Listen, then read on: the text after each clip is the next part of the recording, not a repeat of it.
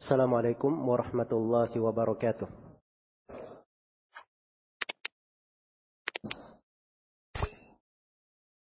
إن الحمد لله نحمده ونستعينه ونستغفره ونعوذ بالله من شرور أنفسنا وسيئات أعمالنا. من يهده الله فلا مضل له ومن يضلل فلا هادي له. أشهد أن لا إله إلا الله وحده لا شريك له وأشهد أن محمدا عبده ورسوله.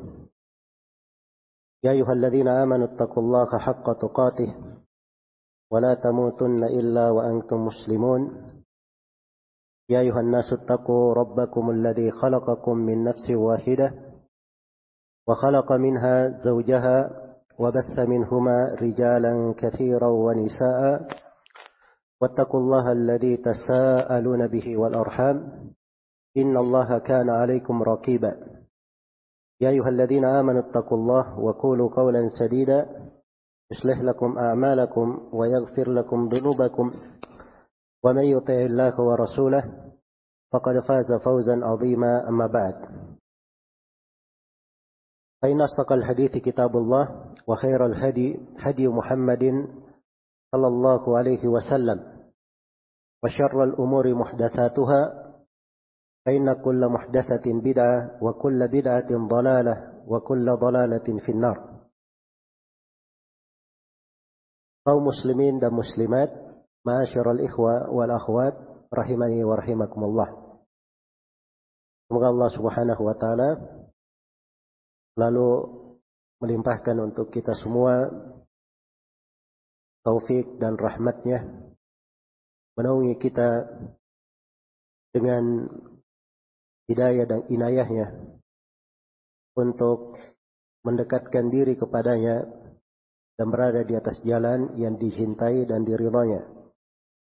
Bagaimana saya bermohon kepada Allah Subhanahu wa taala mempertemukan kita di rumahnya yang agung ini salah satu masjid dari masjid-masjidnya dalam suasana ketaatan dalam suatu kebaikan. Semoga Allah Subhanahu wa taala lalu menyatukan hati-hati kita semua di atas kebenaran dan menguatkan kita di atas keislaman dan sunnah di kehidupan dunia ini. Sakaratul maut di alam kubur dan tatkala kita semua kembali kepadanya. Dan saya bermohon kepadanya dan dialah yang maha agung lagi maha luas rahmat dan karunia-Nya yang memudahkan kita berada di tempat ini semoga kita semua dikumpulkan kelak di kemudian hari di sorganya yang penuh dengan kenikmatan Innahu waliyu dhalika wal qadiru alaih. Tema pembahasan kita di pagi hari ini salah satu hal yang penting di masa sekarang ini. Saya akan membuka tema pembahasan ini dengan beberapa pendahuluan yang menerangkan maksud dari tema.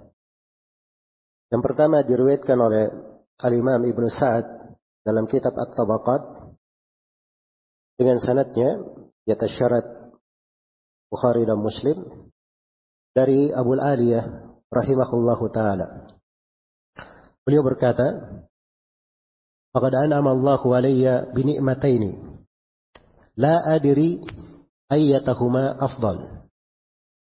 Kata beliau, Allah telah memberikan kepadaku dua nikmat saya tidak tahu dari dua nikmat ini yang mana yang terafdolnya. Yang mana yang terbaiknya. Apa dua nikmat tersebut? Kata beliau, Anhadani lil Islam. Nikmat yang pertama, Allah beri hidayah kepadaku dengan keislaman. Allah beri hidayah kepadaku dengan dengan keislaman. Au lam yaj'alni harurian. Dan nikmat yang kedua, Allah tidak menjadikan saya sebagai seorang haruri. Haruri ini bahasa lain untuk Hawarij. Iya. Nama lain kaum Khawarij. Jadi beliau menganggap dirinya dapat dua nikmat besar. Beliau tidak tahu yang mana yang paling besar di atas di antara dua nikmat ini. Apakah nikmat beliau diberi hidayah di atas Islam atau nikmat beliau tidak dijadikan sebagai orang yang berjalan di atas jalannya kaum khawarij. Iya. Karena itulah harus dipahami bahwa di antara nikmat yang besar ya Allah Subhanahu wa taala karuniakan terhadap seorang hamba dia mengenal jalan petunjuk dan dia dijauhkan dari jalan yang membahayakannya. Karena itu manusia di dalam Al-Quran dibagi menjadi dua golongan. Allah berfirman, "Ailam yastajibu laka fa'alam annama yattabi'una ahwa'ahum. Kalau mereka tidak istijabah kepada engkau ya Nabi Muhammad, maka ketahuilah bahwa mereka itu hanya mengikuti hawa nafsunya. Ya, kalau dia bukan di golongan yang istijabah, masuk di dalam Islam secara sempurna, berarti dia masuk ke golongan orang yang mengikuti hawa nafsunya. Orang yang mengikuti dari perkara-perkara yang menyelisih petunjuk Nabi Sallallahu Alaihi Wasallam berupa bidah-bidah dan penyimpangan-penyimpangan. Maka hanya dibagi menjadi dua. Karena itu kepada nabinya Allah Subhanahu wa taala menegaskan, "Tsumma ja'alnaka 'ala syari'atin minal amri fattabi'ha wa la tattabi' ahwa'a alladziina la ya'lamun." Kemudian kami jadikan engkau Nabi Muhammad di atas sebuah syariat dari perkara. Ada tuntunan, pijakan. Itulah keislaman. Syariat jelas. Dan Nabi diingatkan, "Wala tattabi ahwa alladziina la ya'lamun." Dan jangan kamu ikuti hawa nafsu hawa nafsu orang-orang yang tidak mengetahui. Iya. Karena itu, apabila seorang hamba mengenal jalan Islam, maka ini adalah nikmat yang sangat besar. Bila dia mengenal Islam yang benar. Sebagaimana kalau dia dijauhkan dari jalan-jalan yang membahayakannya, maka itu juga adalah nikmat yang sangat besar. Anugerah yang sangat besar yang harusnya disyukuri oleh seorang hamba. Ya. Karena itulah di atas kaidah ini para ulama Islam berjalan. Mereka menerangkan keislaman bukan hanya menjelaskan jalan yang lurus. Tapi mereka ingatkan juga jalan-jalan yang berbahaya yang bisa mengeluarkan dari keislaman. Ini metode Al-Quran. Karena itu di surah Al-Fatihah kita meminta apa? Hah? Ihdinas siratal mustaqim, ya kan? Ya Allah berilah kami hidayah ke jalan yang lurus. Diterangkan jalan yang lurusnya atau tidak? Diterangkan siratal ladina an'amta alaihim, jalannya orang-orang yang diberi nikmat terhadap mereka. Inilah jalan yang lurus. Berhenti sampai situ saja? Tidak. Diingatkan dua jalan yang menyimpang. Jangan sampai kita mengikuti jalan tersebut. Gairil makdubi alaihim waladdallin. Bukan jalan orang yang dimurkai dan bukan pula jalan orang-orang yang disesatkan. Karena itu kepada nabinya Allah perintahkan atau Allah Subhanahu wa taala menegaskan wa anna hadha sirati mustaqiman fattabi'uh wa la tattabi'us subul fatafarraqa bikum an sabili. Sesungguhnya inilah jalanku yang lurus. Fattabi'uh maka ikuti jalan tersebut. Wala tattabi'us subul dan jangan kamu mengikuti jalan-jalan yang lain. As-subul ini ditafsirkan sebagai bid'ah-bid'ah hawa nafsu hawa nafsu. Iya. Itu jelas masuk di dalam cakupan as-subul. Karena itu Nabi Shallallahu Alaihi Wasallam ketika beliau menafsirkan ayat ini dalam hadits Abdullah bin Mas'ud di riwayat Imam Ahmad dan Ashabus Sunan, beliau menggaris sebuah garis yang lurus. Kemudian beliau katakan, "Hada siratullahil mustaqim." Ini adalah jalan Allah yang lurus. Setelah itu beliau garis di kanan dan di kirinya garis-garis yang sangat banyak. Di kanan dan di kiri garis yang lurus ini. Kata beliau, "Hadihi subul. Ma min sabilin minha illa wa alaihi syaitan yad'u ilaih. Tidak ada satu jalan pun, kata beliau ini jalan-jalan. Jalan-jalan menyimpang. Tidak ada satu jalan pun dari jalan-jalan ini, kecuali ada syaitan yang menyuruh kepadanya. Ada syaitan yang menyuruh kepadanya. Ya. Jadi kalau ada syaitan yang menyuruh, ada syaitan yang mengajak, ini luar biasa ya, bahaya dan ujian di dalam beragama. Karena itu kita harus mengenal tentang jalan-jalan tersebut. Iya. Karena itulah para ulama as-salaf rahimahumullah taala berjalan di atas metode ini. Bimbingan Al-Qur'an ini. Mereka menjelaskan jalan kebenaran dan mereka jelaskan pula jalan yang bisa membahayakan jalan kebatilan yang bisa menyesatkan. Iya. Jalan kebatilan yang bisa menyesatkan. Karena itu kata Syekhul Islam Ibnu Taimiyah rahimahullah menerangkan bagaimana contoh nasihat di dalam agama. Kata beliau di antara contoh nasihat dalam agama adalah menjelaskan tentang tokoh-tokoh ahlul bid'ah dari orang-orang yang menyandang pemikiran yang menyelisih Al-Quran dan Sunnah. Atau ibadah-ibadah yang menyelisih Al-Quran dan Sunnah. Kata beliau, فَإِنَّ بَيَانَ حَالِهِمْ وَتَحْدِيرَ الْأُمَّةِ مِنْهُمْ واجب بالاتفاق.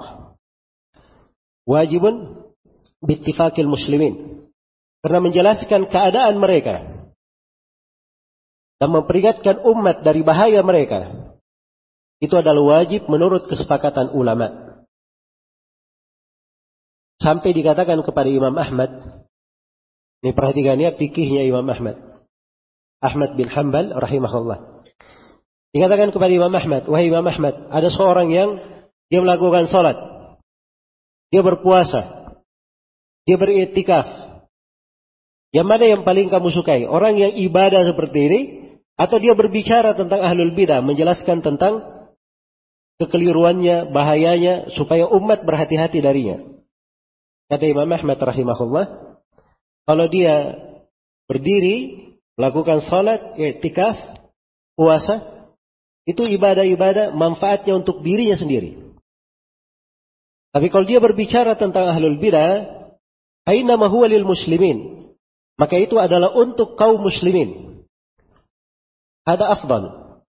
Maka kata beliau ini lebih afdal. Ini lebih utama. Iya.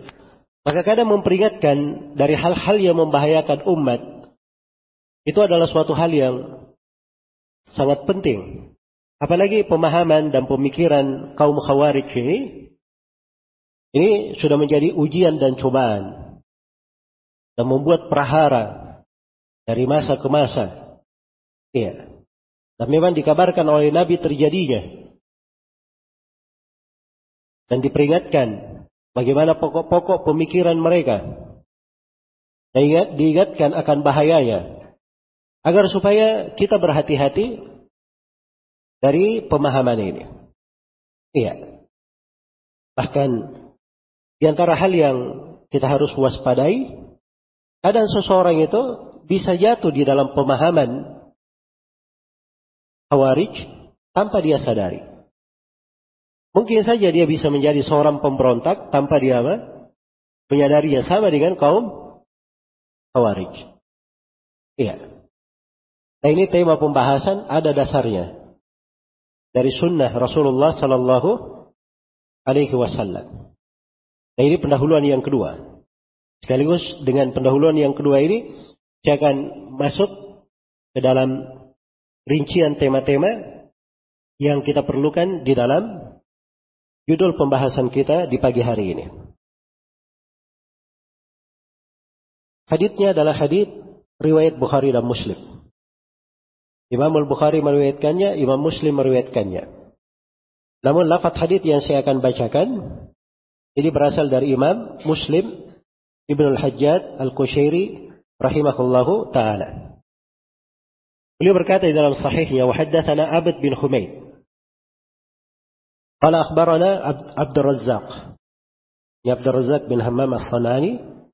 Kata beliau qala akhbarana Ma'mar. Ini Ma'mar bin Rashid Abu Urwa Al-Basri. Iya. Salah satu dari tiga orang imam yang menebarkan sunnah di Yaman. An Asim dari Asim, An Mu'adah dari Mu'adah bintu Abdullah. Ini seorang perempuan tabi'iyah. Ahli fikih, ahli ibadah. Ya. Murid senior Aisyah radhiyallahu anha. Mu'adah ini bercerita Qalat beliau berkata, "Sa'altu Aisyah radhiyallahu anha." Saya pernah bertanya kepada Aisyah radhiyallahu anha. "Ma balul haid taqdi shaum wa la taqdi shalah?" Kata Muadah, "Wahai Aisyah, kenapa perempuan yang haid itu dia mengqadha puasa tapi tidak mengqadha salat?" Kan kalau perempuan haid Bila haid, puasanya dikata atau tidak? Dikata. Ya puasa Ramadan ya. Karena haid tidak puasa lima hari. Lima hari ini diganti atau tidak? Diganti di hari lain. Tapi sholatnya diganti atau tidak? Tidak diganti. Dia bertanya, kenapa perempuan kalau dia haid, puasanya dikata, sedangkan sholatnya tidak dikata? Apa kata Aisyah? Radiyallahu anha, faqalat, aharuriyatun anti? Kamu ini seorang perempuan khawarij? Hah? Ini keras atau tidak nih?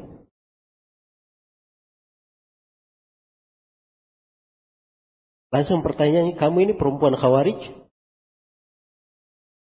Kenapa Aisyah berkata seperti itu?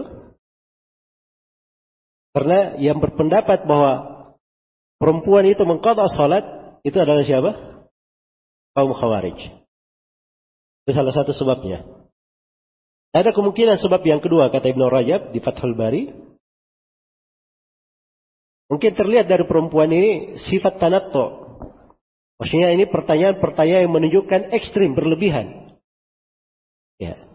Syariat sudah memberikan keringanan, tidak sholat. Kok dia tanya lagi? Kenapa tidak mengkota sholatnya? Nah, ini kan berlebihan namanya. Dan sikap berlebihan itu ciri khasnya kaum Khawarij. Makanya langsung Aisyah berkata, Ahruriyatun nanti, kamu ini perempuan Khawarij? Jelas ya? Baik. Kultu, lastu biharuriyah. Kata Mu'adah, saya bukan seorang perempuan Khawarij. Ya. Jadi Mu'adah ini bukan tidak tahu Khawarij, dia tahu. Andai kata dia tidak tahu, dia akan berkata apa? Khawarij itu apa? Kan begitu. Tapi langsung dia katakan, enggak, saya bukan khawarij. Jadi dia ngerti khawarij itu apa. Jelas ya? Kata beliau, walakin as'al. Saya ini bukan seorang perempuan khawarij. Tapi saya bertanya. Kenapa seperti itu? Qalat maka Aisyah berkata, "Kana yusibuna dalik, fa nu'maru bi qada'is shaum wa la nu'maru bi salah." Kata Aisyah kami di masa Nabi Shallallahu Alaihi Wasallam istri-istrinya didatangi oleh haid.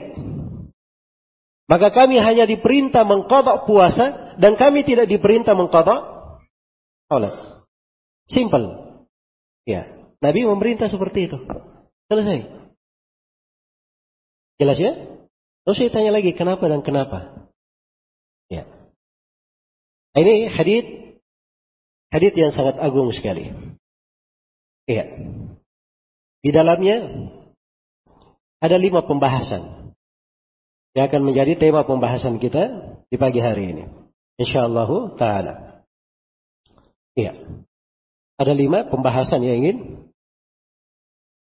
saya jelaskan dari hadits ini. Pembahasan yang pertama dan ini terkait dengan judul dari tema menjadi pemberontak tanpa sadar. Bahasa lainnya menjadi khawarid tanpa apa? Tanpa sadar. Iya. Ini Mu'adha bintu Abdullah langsung ditanya oleh Aisyah, kami ini perempuan khawarij? Ya. Dia dengan pertanyaan tidak menyadari bahwa itu adalah sifat khususnya siapa? Kaum khawarij, ciri khas kaum khawarij. Iya. Dan niatnya baik. Niatnya, walakin ini asal, saya mau bertanya. Ingin belajar menuntut ilmu. Tapi pertanyaannya keliru.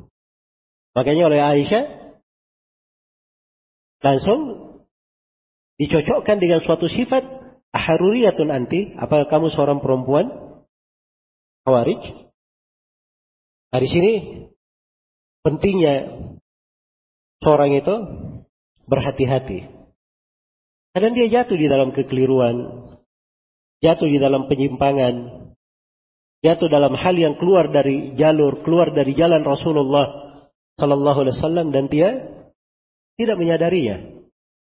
Padahal kalau ditanya setiap orang kamu cinta kepada Nabi, ingin membela Nabi, ingin dikumpulkan bersama Nabi di sorga, semuanya pasti akan menjawab iya. Tidak ada yang tidak ingin, ya kan? Tapi yang menjadi masalah kalau ditanyakan kamu ini di atas jalan Nabi atau tidak? Atau ditegur, ini menyelisih Nabi. Jalan yang kau sekarang ini. Belum tentu dia mau menerimanya. Iya. Maka ini hadis dari dasar penting ya di dalam beragama. Bahwa itu hendaknya berhati-hati. Karena dia bisa jatuh di dalam sesuatu tanpa dia menyadarinya. Kemudian masalah yang kedua terkait dengan hadis ini bolehnya mengingkari seseorang dan menisbatkannya kepada pemikiran sesat lantaran dia satu dia salah di satu masalah. Dia salah di mana? Di satu masalah. Iya. Jelas ya? Nah, ini harus dipahami. Karena permasalahan-permasalahan agama itu beraneka ragam, berjenjang dari kekuatannya, dari pokoknya, ya, kembali kepada dasar dan pokok agamanya. Karena itu ada disebut dengan nama al-kulliyat, perkara-perkara kuliah yang dijaga di dalam agama fondasi pokok dalam agama. Nah, ini menyelisih satu saja darinya, itu seorang dikatakan keluar dari jalan Nabi. Menyimpang darinya. Menyimpang darinya. Iya. Dan perhatikan di sini ya. Ini terkait dengan satu prinsip kaum khawarij. Ada dua kemungkinan di sini ya. Kemungkinan yang pertama, Mu'adah ini dianggap oleh Aisyah dia berpendapat seperti, seperti pendapatnya kaum khawarid bahwa perempuan yang haid mengkotok sholat juga. Itu pendapat siapa? Kaum khawarid. Dengan satu masalah ini, Aisyah berkata, kami ini khawarij. Atau kemungkinan yang kedua, dia dari pertanyaannya itu tampak sikap ekstrimnya. Sikap ekstrimnya. Dan gulu, at-tanattu, berlebihan dalam ucapan dan amalan, itu sifatnya kaum khawarij. Dihukumi oleh Aisyah dengan satu kalimat. Iya. Ini ada di dalam sirah Nabi Shallallahu Alaihi Wasallam dan para sahabat. Dimaklumi ya bahwa Nabi Shallallahu Alaihi Wasallam diperintah untuk memboikot tiga orang sahabat karena satu masalah.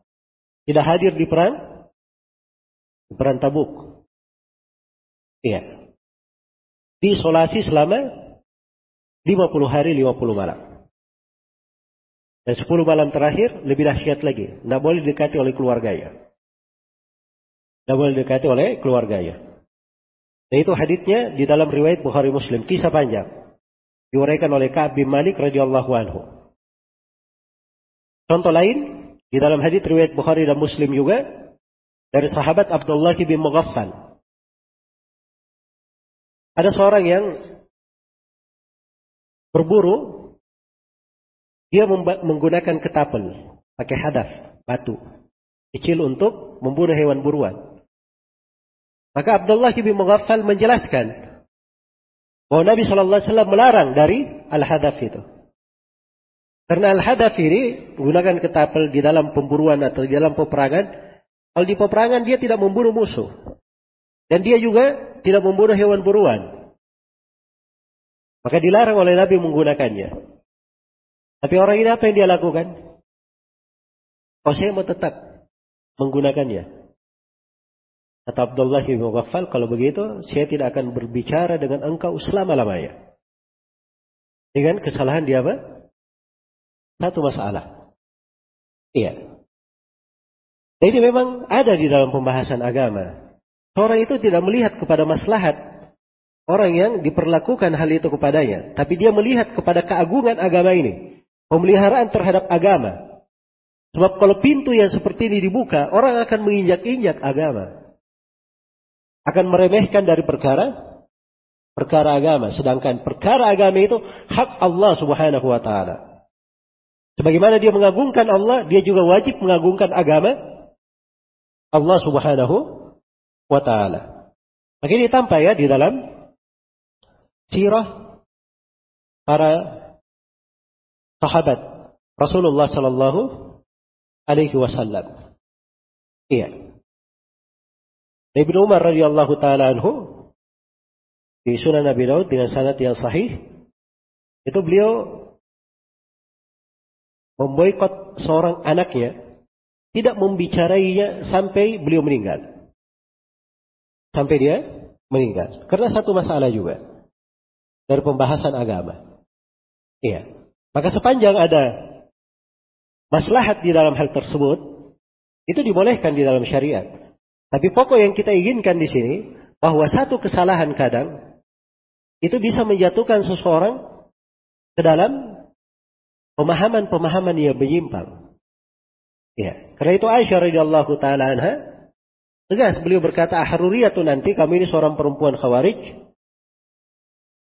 Ya. Maka di fikih harusnya dipegang dari sirah para sahabat Rasulullah sallallahu alaihi wasallam. Kemudian masalah yang ketiga, ini terkait dengan masalah nama-nama dan gelar-gelar untuk kaum khawarij. Kaum khawarij itu ada nama-nama dan gelarnya. Iya. Ada nama-nama dan gelarnya. Jadi mungkin ada yang bertanya, khawarij itu apa? Iya. Walaupun belakangan ini sering kita dengar ya tentang bahasa khawarij dan seterusnya. Nah, mungkin saya ingin merinci sedikit di sini tentang definisi khawarij. Ya, khawarij itu jamak dari kata kharija. Ya. Orang yang keluar. Atau siapa yang keluar. Di sudut penamaan atau makna di dalam mendefinisikan khawarij itu ada berbagai definisi. Disebutkan oleh para ulama rahimakumullahu taala yang berbicara tentang khawarij ini. Baik, saya akan bacakan sebagian dari definisi-definisi tersebut. Ya. Secara syar'i. Tapi sebelumnya saya ingin ingatkan dulu, apa sebab-sebab mereka dinamakan sebagai khawarij? Iya. Kenapa mereka dinamakan sebagai khawarij? Di antara sebab mereka dinamakan sebagai khawarij, Sebab yang pertama, karena mereka ini keluar dari syariat. Keluar dari syariat. Iya. Karena itu, di dalam hadis dikatakan, yang merukuna minad din kama yang merukus sahmu minar romiyah. Mereka keluar dari agama seperti busur atau seperti panah menembus sasarannya. Iya. Nah, itu keluarnya menembus itu, itu disebut khuruj. Makanya dengan itu mereka dikatakan khawarid. Karena itu bahasa lainnya khawarid marikah. Orang yang terlepas. Iya. Baik. Ini sebab penamaan yang pertama. Dan sebab penamaan yang kedua dikatakan khawarij karena dia keluar terhadap Rasulullah sallallahu alaihi wasallam. Ini penting ini sebab yang kedua. Keluarnya terhadap Nabi dengan cara apa kaum khawarij ini? Mengangkat pedang? Saya tanya, ada kaum khawarij memberontak di masa Nabi? Tidak ada. Tapi mereka sudah dikatakan khuruj terhadap Nabi dari masa Nabi Sallallahu Alaihi Wasallam. Khurujnya adalah dengan kalimat, dengan lisan. Dengan lisannya. Karena itu saya akan bacakan nanti riwayat lengkapnya. Yang di dalamnya Rasulullah Sallallahu Alaihi Wasallam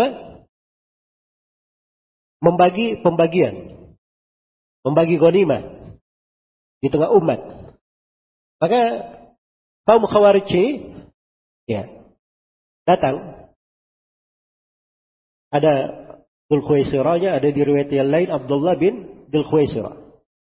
Dia datang, dia berkata, eh dia ya Rasulullah. Wahai Rasulullah, berlaku adillah. Luar biasa ya lancangnya. Nabi saya disuruh apa? Berlaku adil. Maka kata Nabi Shallallahu Alaihi Wasallam, Waihak, wa ma ya'dil, idza lam a'dil. Betapa celakanya kamu. Siapa lagi yang bisa berlaku adil kalau saya tidak berlaku adil? Ya. Maka kata Nabi Shallallahu Alaihi Wasallam atau kata Umar ibn Khattab kepada Nabi ya Rasulullah izinkan saya memenggal leher orang ini. Ya, bahasanya Umar masya Allah ya. Izinkan saya memenggal lehernya. Itu di banyak kasus itu, bukan cuma di sini saja. Ya. Di riwayat lain Khalid bin Walid yang meminta, izinkan saya yang memenggal lehernya. Tapi Nabi Shallallahu Alaihi berkata biarkan dia. Di belakangnya dia punya kawan-kawan. Yang kawan-kawannya ini, kalau kalian melihatnya, salah seorang di antara kalian wahai sahabat akan menghinakan sholat kalian di depan sholat mereka, menghinakan puasanya di depan puasa mereka. Makin hebatnya ibadahnya kaum khawarij ini. Iya. Jadi penampilannya itu luar biasa kalau penampilan. Tidak ada yang kalahkan penampilan kaum khawarij. Para sahabat saja ibadahnya tidak ada apa-apanya, ibadah zahir mereka. Di depan ibadah siapa? Kaum khawarij. Dan bersama dengan itu Nabi tegaskan, yang berukuna minad din, kama yang berkusahmu minar ramiyah. Mereka keluar dari agama. Seperti busur menembus sasarannya. Baik. Karena itu mereka dinamakan khawarij karena mereka keluar terhadap Nabi Sallallahu Alaihi Wasallam dalam bentuk apa? Dalam bentuk lisan. Iya, dalam bentuk lisan. Ini sebab yang kedua dinamakan khawarij. Sebab yang ketiga dinamakan khawarij karena mereka keluar dari iman. Keluar dari ketaatan kepada kepala negara keluar dari ketaatan kepada kepala negara. Iya. Karena itu Abu Hasan al Ashari rahimahullahu taala beliau mengatakan As-sababu alladhi summu bihi khawarij furujuhum ala Ali bin Abi Talib. Kata Abu Hasan al Ashari, ini ucapan Abu Hasan al Ashari ini di Maqalat al-Islamin. Buku yang beliau tulis setelah beliau meninggalkan madhabnya yang menyimpang madhab Ash'ari. Dan beliau kembali kepada jalan as-salaf.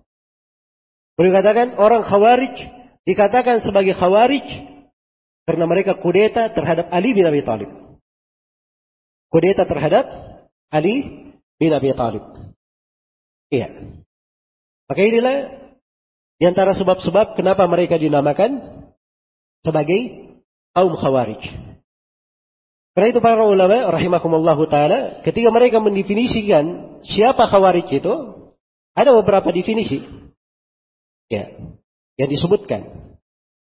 Nah, ini definisi banyak sekali ya kalau kita baca tentang definisi. Ya. Baik. Kalau dibaca tentang definisi. Ada definisi yang disebut oleh Asyikhristani, Abdul Hasan al-Ash'ari. Ada definisi yang disebut oleh Al-Azhari. Ya, dan berbagi definisi di kalangan ulama. Ya. Dan mungkin di sini saya dari seluruh definisi itu bisa disimpulkan bahwa khawarij adalah siapa yang keluar terhadap imam yang benar, pemimpin yang benar, disertai dengan keyakinan mengkafirkan kaum muslimin. Mengkafirkan kaum muslimin pada hal yang tidak sepatutnya mereka dikafirkan dengan itu. Iya. Ya, saya ulangi definisinya. Kullu man kharaja alal imamil haq. Setiap orang yang keluar kudeta terhadap imam yang benar, pemimpin yang hak, pemimpin yang syah. Ma takfirihim al-muslimin. Disertai mereka mengafirkan kaum muslimin. Bidzambi gairil mukaffar syar'an. Dia kafirkan kaum muslimin dengan dosa yang secara syariat dosa ini tidak mengafirkan. Iya. Jadi ada dua sifat pokok pada kaum khawarij. Keluar terhadap pemimpin. Kemudian yang kedua, mengafirkan. Mengafirkan. Iya. Kenapa harus ada tambahan mengafirkan? Nah, ini yang membedakan antara al-khawarid dan bugot.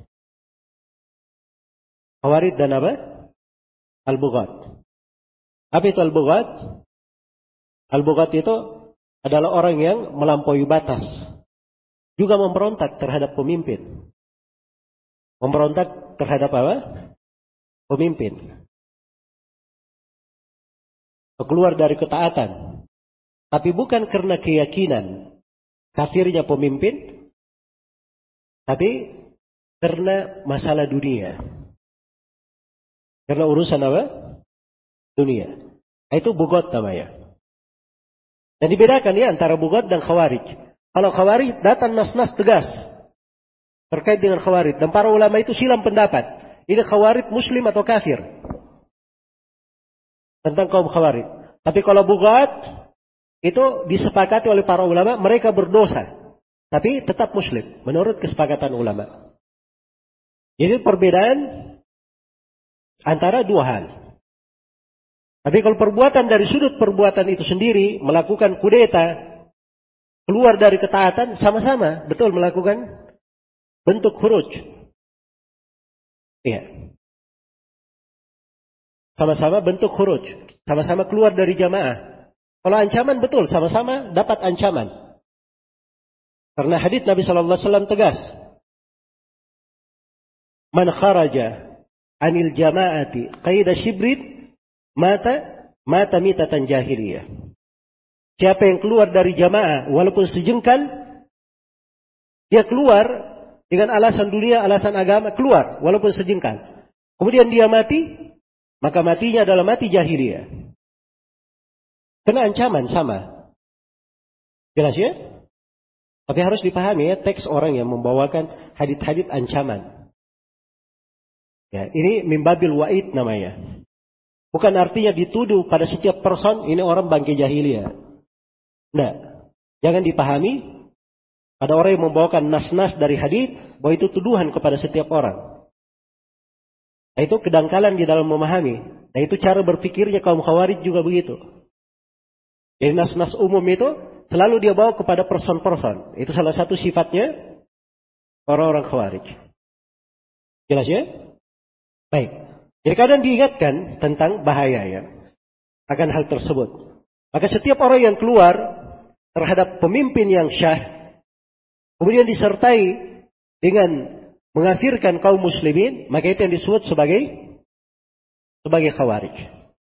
Ya. Khawarij ini punya penamaan-penamaan. Ya, di antara penamaan mereka, mereka disebut sebagai Haruria. Disebut sebagai apa?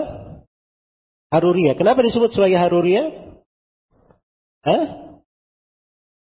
Karena mereka ini berkumpul di Haura. Berkumpul di Haura. Iya. Haura ini adalah sebuah tempat di mana kaum Khawarij bersepakat di dalamnya untuk melakukan kudeta terhadap pemimpinnya Syah waktu itu kepada Ali bin Abi Thalib radhiyallahu taala anhu. Ya, karena itu mereka disebut Haruriyah. Mereka disebut Haruriyah. Itu penamaan yang kedua. Penamaan yang ketiga disebut juga dengan Al-Muhakkimah. Karena alasan mereka berpisah dengan Ali bin Abi Thalib dan kaum muslimin ya, adalah di masalah tahkim. Mereka menganggap bahwa Ali bin Abi Thalib itu sudah melakukan kekafiran karena menjadikan Abu Musa al-Asy'ari sebagai hukum. Ya, ini sifat khususnya kaum Khawarij. Sembarang di dalam mengafirkan. Karena itu kaum Khawarij itu gampang saja dia. Mau sikat, nah ini tidak berhukum dengan hukum Allah. Wa man lam yahkum bima anzalallah fa ulaika humul kafirun. Siapa yang tidak berhukum dengan hukum Allah, maka mereka adalah apa? Mereka adalah kafir. Jelas ya? Sama dengan bahasa sebagian orang. Indonesia ini negara kafir. Bukan negara Islam. Kenapa? Tidak berhukum dengan hukum Allah. Itu bahasa-bahasa kaum khawarij. Ya. Bahasa-bahasa kaum khawarij. Jelas ya? Dia tidak tahu rincian di dalam berhukum dengan selain hukum Allah. Itu terkait dengan hukumnya sendiri. Dan dia tidak mengerti tentang tata negara. Tidak mengerti tentang tata negara. Ya, ini ribet ya memahamkan ke mereka. Baik. Jadi sekarang ini misalnya ya, pandangan mereka. Ya. Indonesia ini tidak berhukum dengan hukum Islam katanya, dengan hukum agama. Kalau begitu negara Indonesia disebut apa? Ya kalau dia kawaritnya terang-terangan, gentle, dia kata, akan katakan Indonesia negara kafir. Ya, tapi kalau khawaritnya malu-malu, ya, dia akan katakan bukan negara Islam, bukan negara kafir. Itu bahasanya sama saja. Jelas ya? Kenapa? Ya jelas-jelas mereka tidak mau menerima Al-Quran dan Sunnah sebagai apa? Sebagai hukum. Ini Perhatikan, saya ingin ingatkan banyak kekeliruan. Ada dua sudut pokok, dua sudut besar yang ingin saya ingatkan. Satu, di dalam masalah, andai kata ini semuanya ya, ini semua lingkup masalah masuk di dalam cakupan berhukum dengan hukum Allah. Terus ada orang yang tidak berhukum dengan hukum Allah di situ. Apakah langsung dikafirkan? Jawabannya tidak. Itu ada sembilan bentuk. Enam bentuk disepakati kafir, tiga bentuk tidak dikafirkan. Dan siapa yang memutlakkan kafir di dalamnya itu sudah keliru. Dia keliru di dalamnya. Kaum khawarij cubahatnya di situ. Itu satu. Kemudian yang kedua, terkait dengan tata negara. Ini juga syubhat kaum khawarij.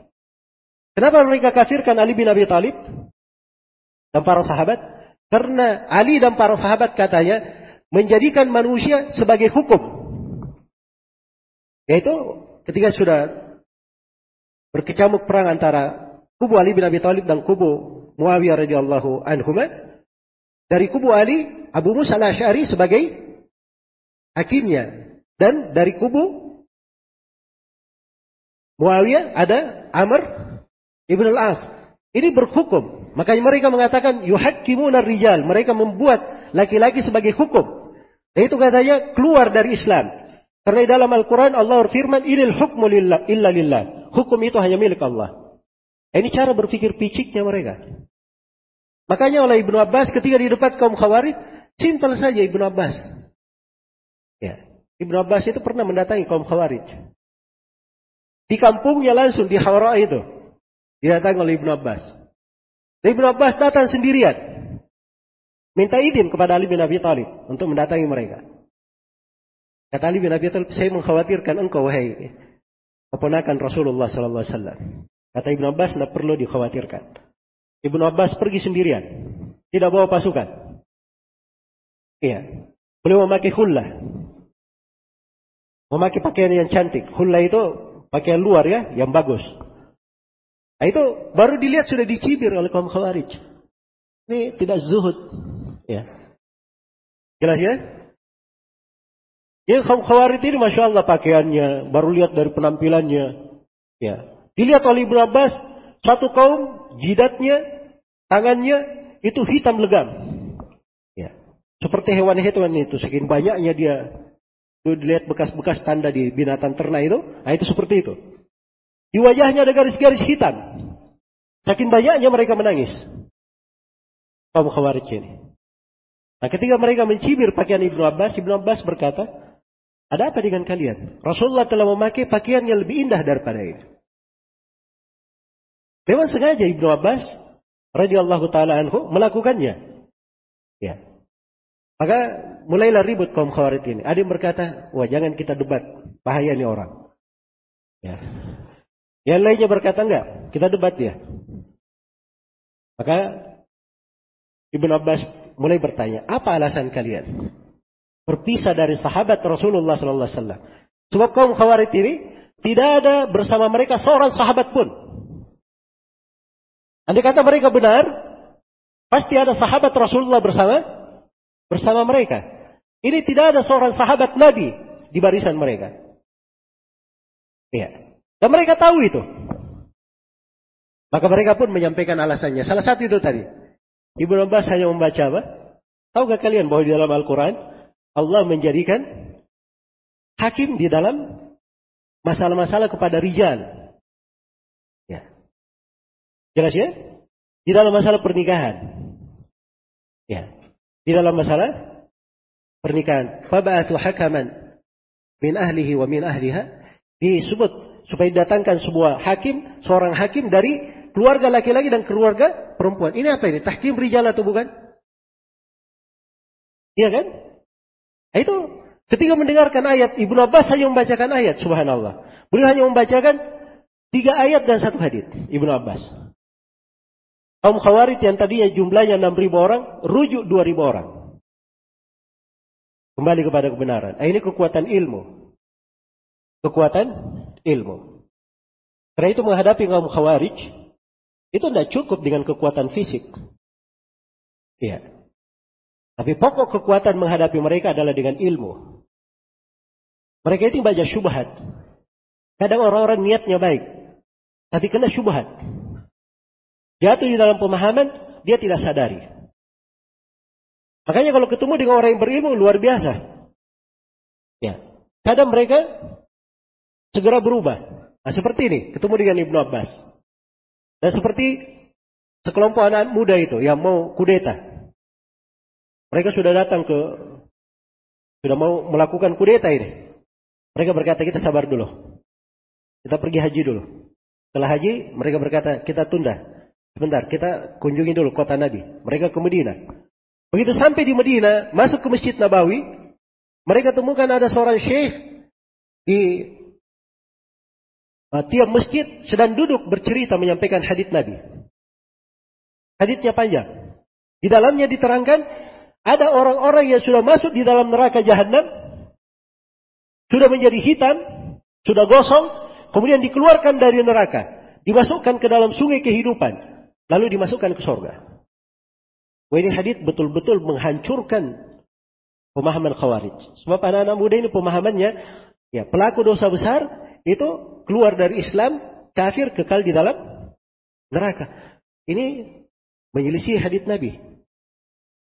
Makanya mereka tanya, siapa syekh ini? Ternyata Jabir bin Abdullah. Maka mereka maju ke depan, dia tanya, apakah benar kamu dengar ini hadis dari Nabi? Kata Jabir, saya tidak pernah berdusta atas nama beliau. Saya mendengarnya bukan cuma sekali, bukan cuma dua kali. Maka seluruh anak muda ini rujuk kembali kepada kebenaran. Kecuali satu orang. Itu pentingnya ketemu dengan ahlul ilm. Satu hadis menyadarkan mereka. Sama dengan kisah Wahab bin Munabbih. Rahimahullah ta'ala. Dia ketemu seorang yang terpengaruh dengan madhab khawarij. Ya sama seperti itu. Ketika datang kepada Wahab bin Munabbih, luar biasa. Itu ada kisahnya. Ya. Disebutkan di biografi Wahab bin Munabbih. Bisa dibaca di Tahdibul Kamal. Sudah dicetak secara khusus dalam sebuah risalah. Dengan tahqiq Syekh Abdul Salam Al-Barjas. Rahimahullah. Itu di, diceritakan bagaimana orang ini dikirimi surat oleh kaum khawarij. Dan dia seorang yang kaya. Tinggal di sana. Ya. Banyak hartanya. Kaum khawarij kirim surat ke mereka. Bahwa zakat harta kamu jangan kamu serahkan ke pemerintah. Serahkan ke kami. Karena pemerintah tidak meletakkan harta kamu pada tempatnya, tidak syah. Kami yang apa namanya bisa meletakkannya pada tempatnya. Itu hebatnya kaum khawarij ya. Baik. Maka subhanallah orang tua ini dia punya teman yang merupakan murid Wahab bin Munabbih. Dari sinilah dia diajak ketemu dengan Wahab bin Munabbih. Oleh Wahab bin Munabbih, ya, diterangkan tentang sunnah kepadanya sampai dia rujuk bertobat kepada Allah Subhanahu wa taala. Ini ketemu dengan seorang alim, nikmat besar. Sehingga syubhat-syubhatnya itu hilang. Baik. Jadi kaum khawarij di antara penamaan mereka disebut sebagai apa? Muhakkimah, disebut sebagai muhakkimah juga. Masalahnya di tahkim itu tadi. Ya. Jadi saya kembali ya kepada berhukum dengan selain hukum Allah. Ya. Hukum Allah itu juga, hukum kalau dia terkait dengan pemerintah, itu hukum ada tiga. Dalam fikih siasat syariah. Ini harus dipahami. Ada ketentuan-ketentuan hukum itu sudah jelas di dalam Al-Quran dan As-Sunnah. Iya. Maka itu yang dipakai. Karena itu kalau ada yang menetapkan hukum warisan harus dibagi begini, harus dibagi rata misalnya menyelisih hukum warisan dalam Al-Quran dan Sunnah, ah, ini betul. Tidak berhukum dengan hukum Allah. Jelas ya? Baik, ada jenis hukum, dia di pembahasan takzir namanya. Pembahasan takzir.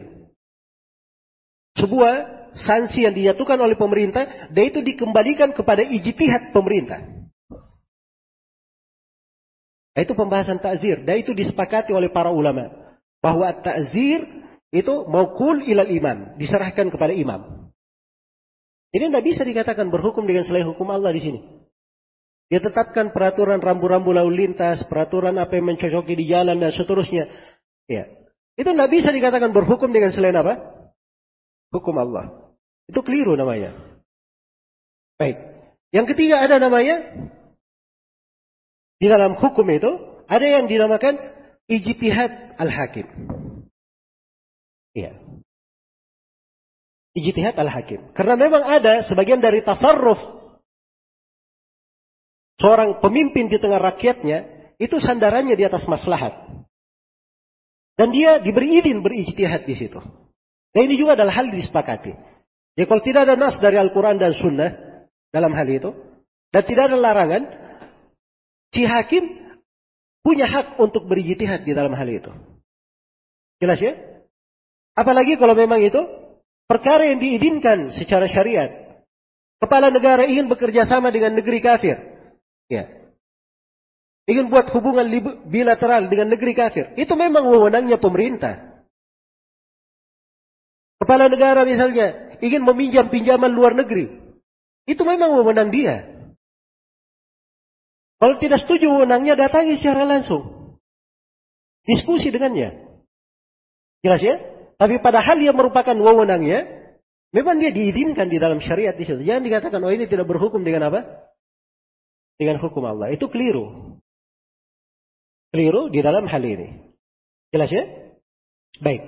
Karena itu di antara penamaan dan sifat khusus kaum khawarij dari masa dahulu dan belakangan ini, mereka ini selalu Ribut di dalam masalah apa? Di masalah tahkim. Iya.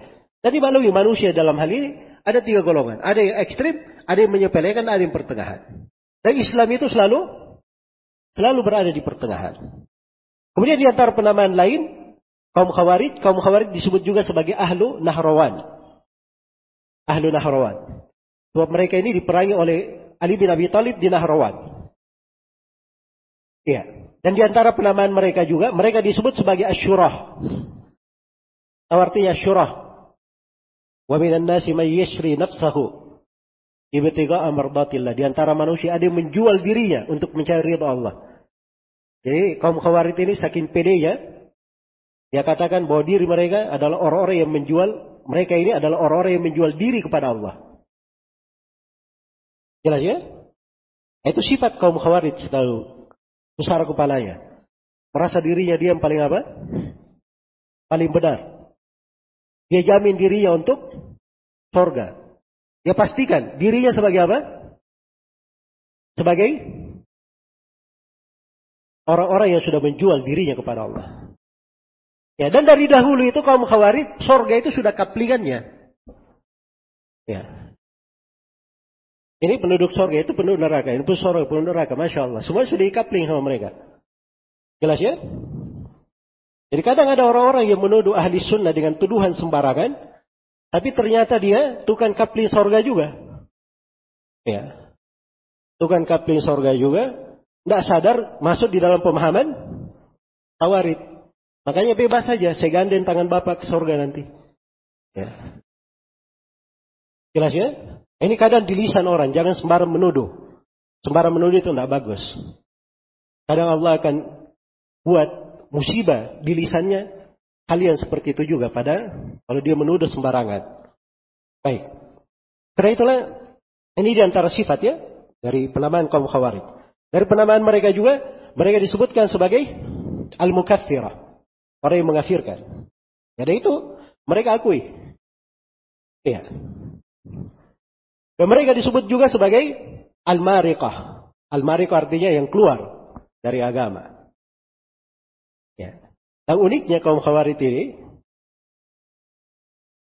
disebutkan oleh Al-Mughaltaya di salah satu syarahnya dari seorang imam. Beliau berkata bahwa kaum khawarij itu tidak menolak semua penamaan itu. Diakui semua penamaan itu. Dia terima. Kecuali penamaan Al-Mariqah. Tidak mau dikatakan orang yang keluar dari agama. Jelas ya? Tapi penamaan yang lain dia benarkan. Memang kami seperti itu. Kami seperti itu. Baik. Jadi ini pembahasan yang ketiga ya, bahwa Khawarij itu ya. Khawarij itu punya nama dan punya gelar-gelar. Karena itu Aisyah mendekatkan pemahaman kepada orang, kepada Mu'adha bintu Abdullah ini. Aharuriyah tuh nanti, kamu ini seorang perempuan Haruriyah. Iya. Nah, itu bahasa yang dipakai oleh Abu Aliyah. Amlam yaja'alni haruriyan. Saya nggak tahu nikmat mana yang besar. Saya diberi hidayah ke Islam atau saya tidak dijadikan sebagai seorang haruri. Itu istilah untuk kaum khawarij dikenal. Baik. Kemudian pembahasan yang keempat di sini, ini juga termasuk pembahasan-pembahasan penting. Nah, ini kaidah yang sangat diperlukan di masa sekarang. Karena banyak kesamaran di kalangan orang-orang yang belajar. Iya. Perlu diketahui bahwa bid'ah-bid'ah itu ada tanda-tandanya. Ada ciri-cirinya. Dengan tanda dan ciri ini, di situlah dibedakan mana ahli sunnah dan mana yang selain ahli sunnah. Mana ahli sunnah, mana yang khawarij, mana yang murjiah, mana yang mu'tazilah, mana yang syiah. Itu semua ada ciri-cirinya. Ada tanda-tandanya. Aisyah langsung mengklaim, bertanya kepada Mu'adha. Ya, Haruriyatun nanti, kami ini seorang perempuan khawarid. Dari mana Aisyah berucap seperti itu? Dari ciri, tandanya. Bertanya seperti ini, yang bertanya seperti ini cuma siapa? Kaum khawarid saja. Maka Aisyah langsung berkata, Haruriyatun nanti, kamu seorang perempuan khawarij? Iya. Baik. Nah, ini fikih ya, mendalam. Di dalam beragama. Karena itu, seorang yang ingin mengenal Islam dengan benar, orang yang ingin mengetahui bahwa dirinya sudah mengenal Islam dengan benar, kapan dia tahu bahwa dirinya sudah mengenal Islam dengan benar? Apabila dia sudah bisa membedakan mana ahli sunnah dan mana ahlul bidah. Nah, itu baru dia mengenal Islam secara lengkap dan benar. Iya. Kalau dia hanya mengenal satu jalan saya, dia tidak mengenal jalan-jalan yang berbahaya, Ini dikhawatirkan apabila datang kepadanya syubhat-syubhat mengeluarkannya dari jalan yang lurus. Tapi kalau dia mengenal jalan Islam yang benar, terang baginya, jalan yang hak itu benar. Ya, sangat terang dan jelas baginya. Sedangkan jalan yang batil juga dia lihat, kanan dan kiri, hati-hati, jangan ke sana. Bukan ke sini. Ini bukan jalan ahli sunnah, ini bukan jalan ahli sunnah. Jelas ya? Dia mengerti hal itu. Itulah para sahabat mendidik. Mereka didik seperti itu. Diajari orang-orang itu supaya mampu membedakan. Punya tamyiz. Sebab memang dasarnya agama ini membedakan dua jalan. Ya, tadi saya sudah terangkan ya dari awal surah Al-Fatihah saja kita diberi kaidah membedakan. Ada jalan al-mustaqim dan ada jalan gairu al-mustaqim. Ada dua, gairil maghdubi alaihim wala wala dhalin. Wa kadzalika nufassilu al-ayat wa litastabina sabilul mujrimin. Demikian kami merinci ayat-ayat supaya tampak jelas jalannya orang yang berdosa. Jalan kebenaran dirinci akan tampak jalannya orang yang berdosa. Allah firman wa hadainahun najdain. Kami beri hidayah kepada manusia dua najat. Ada dua penafsiran di ayat ini. Salah satu penafsirannya dua najat telah diterangkan mana jalan petunjuk, mana jalan kesesatan. Itu jalan Islam selalu terang. Ya. Nah itu Nabi Wasallam menegaskan. Bagaimana dalam hadits Abdullah bin Amr bin As riwayat Muslim kata beliau innahu lam yakun nabiyyun qabli illa kana haqqan alaihi ayyadulla ummatahu ala khairi ma ya'lamuhu lahum. Wa yundirahum syarra ma ya'lamuhu lahum. Tidak ada seorang nabi pun sebelumku. Kecuali wajib atas nabi ini menjelaskan segala kebaikan yang dia ketahui untuk umatnya. Dan juga wajib atas nabi ini untuk menjelaskan segala kejelekan yang bisa membahayakan umatnya. Jadi bukan cuma menunjukkan jalan yang benar. Mereka juga memperingatkan dari jalan yang apa? jalan yang keliru. Ya, masya Allah ya, kalau ada yang berkata, ambillah saja dari semuanya. Ya, ambil yang baik, tinggalkan yang yang buruknya. Nah, ada yang seperti itu berucap. Tidak Nabi mengajarkan, tidak para sahabat berjalan di atasnya, dan tidak ada para imam yang berucap seperti itu. Nah, itu bukan seorang penasihat, bukan ucapan seorang penasihat. Ya, bagaimana caranya dia lepaskan orang yang tidak bisa membedakan antara yang hak dan yang batil, mengambil dari semuanya. Terus belakangannya dia katakan, ambil yang baiknya, tinggalkan yang buruknya. Itu ibarat orang yang melempar, orang yang dilempar ke tengah laut dalam keadaan diikat tangan dan kakinya. Kemudian dikatakan hati-hati kamu, jangan sampai kamu kena air. Ya. Itu mirip, dia sudah lemparkan orang ke ke dalam kebinasaan, bahasanya bahasa seakan-akan apa? Bagus. Di masa sekarang ini orang tidak berukur ini benar atau tidak sujud yang saya lihat atau tidak. Ya. Ukuran mereka apa yang dianggap bijaksana di kebanyakan orang. Nah, kalau saya berucap seperti ini, flower saya bertambah nanti. Ya. Dan saya akan berlipat ganda. Nah, itu kan bukan jalan di dalam beragama. Seorang dai itu, seorang yang beragama, itu menginginkan orang yang ada di depannya selamat dari neraka masuk ke sorga. Iya. Untuk jalan keselamatannya, dia harus merinci. Menjelaskan. Karena itu syah ucapan seorang mengucapkan masuk ke dalam Islam kecuali kalau dia berucap la ilaha illallah. Dan di dalam la ilaha illallah ada dua rukun asasi. Ada nafi wal isbat, al wala wal bara. Ya. Ada penetapan ada penafian, dia berlepas diri dari segala yang diibadahi selain daripada Allah. Kemudian yang kedua, dia tetapkan bahwa ibadah hanya untuk Allah.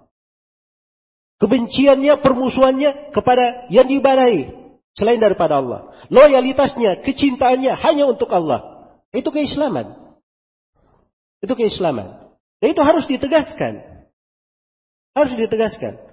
Makanya ketika Nabi Shallallahu Alaihi Wasallam mengunjungi seorang anak muda Yahudi sedang sakit. Ya. Yahudi ini sangat kenal kebenaran.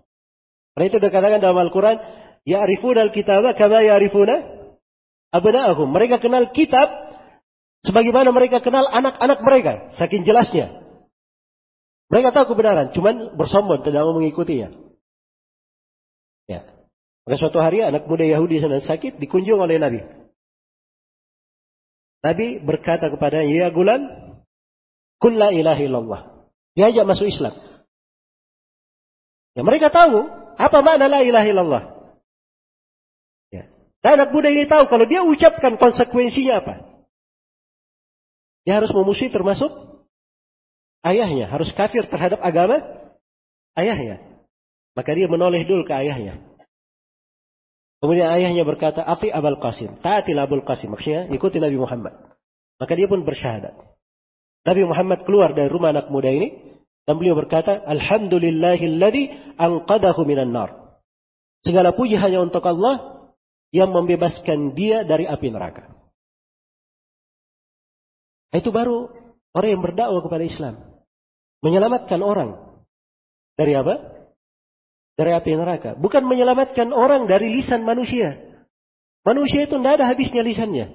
Tidak ada hal yang bisa membuat mereka ridha. Tapi yang bisa dilakukan adalah seorang membuat Allah ridha. Itu yang bisa dilakukan. Jelas ya? Adapun dia membuat manusia itu ridha, tidak ada di dalam kehidupan dunia ini ada satu orang semua manusia ridha terhadapnya. Itu tidak ada ceritanya.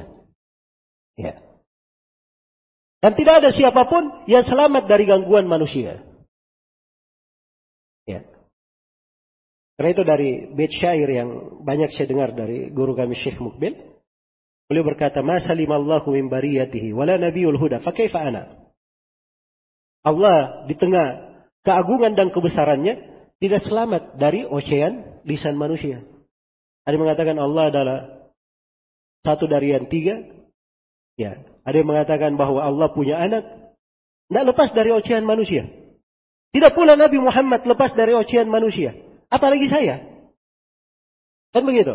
Makanya seorang dai dia tidak memikirkan apa yang diucapkan oleh orang. Yang dia pikir, bagaimana orang ini selamat dari api neraka.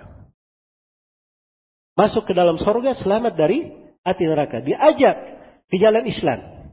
Ya. Karena itu kadang menasihati seorang, betul di dunia ini dia marah dinasihati. Tidak apa-apa dia marah di dunia. Daripada kita bertengkar di akhirat. Kalau di akhirat, kecintaan di dunia berubah menjadi pemusuhan. Kecuali kecintaan yang dibangun di atas ketakwaan. Allah berfirman, Al-akhillau yawma idin ba'duhum li ba'din adu illa al-muttaqin. Orang-orang yang saling mencintai di dunia, sebagian dari mereka adalah musuh terhadap sebagiannya pada hari kiamat. Kecuali orang-orang yang bertakwa. Inilah cinta di atas takwa, itu yang benar. Jadi seorang mengingatkan saudaranya, menegur kekeliruannya, itu ingin menyelamatkannya. Dia tersinggung, marah dengan hal tersebut, tidak ada masalah. Tidak apa-apa, lebih bagus kita ribut di dunia daripada ribut di mana? Di akhirat. Ya. Baik. Maka ini hal-hal penting yang hendaknya diperingatkan. Apalagi masalah-masalah yang terkait dengan kebersamaan. Ini pemahaman-pemahaman kaum khawarij ini, ini merusak agama. Merusak kesatuan. Bisa mengarah kepada pertumpahan darah. Bisa mengarah kepada bubarnya sebuah negeri. Nggak bisa dibiarkan hal-hal yang seperti itu. Harus dijelaskan. Dan perkara-perkara yang mengarah kepada hal tersebut juga harus diterangkan.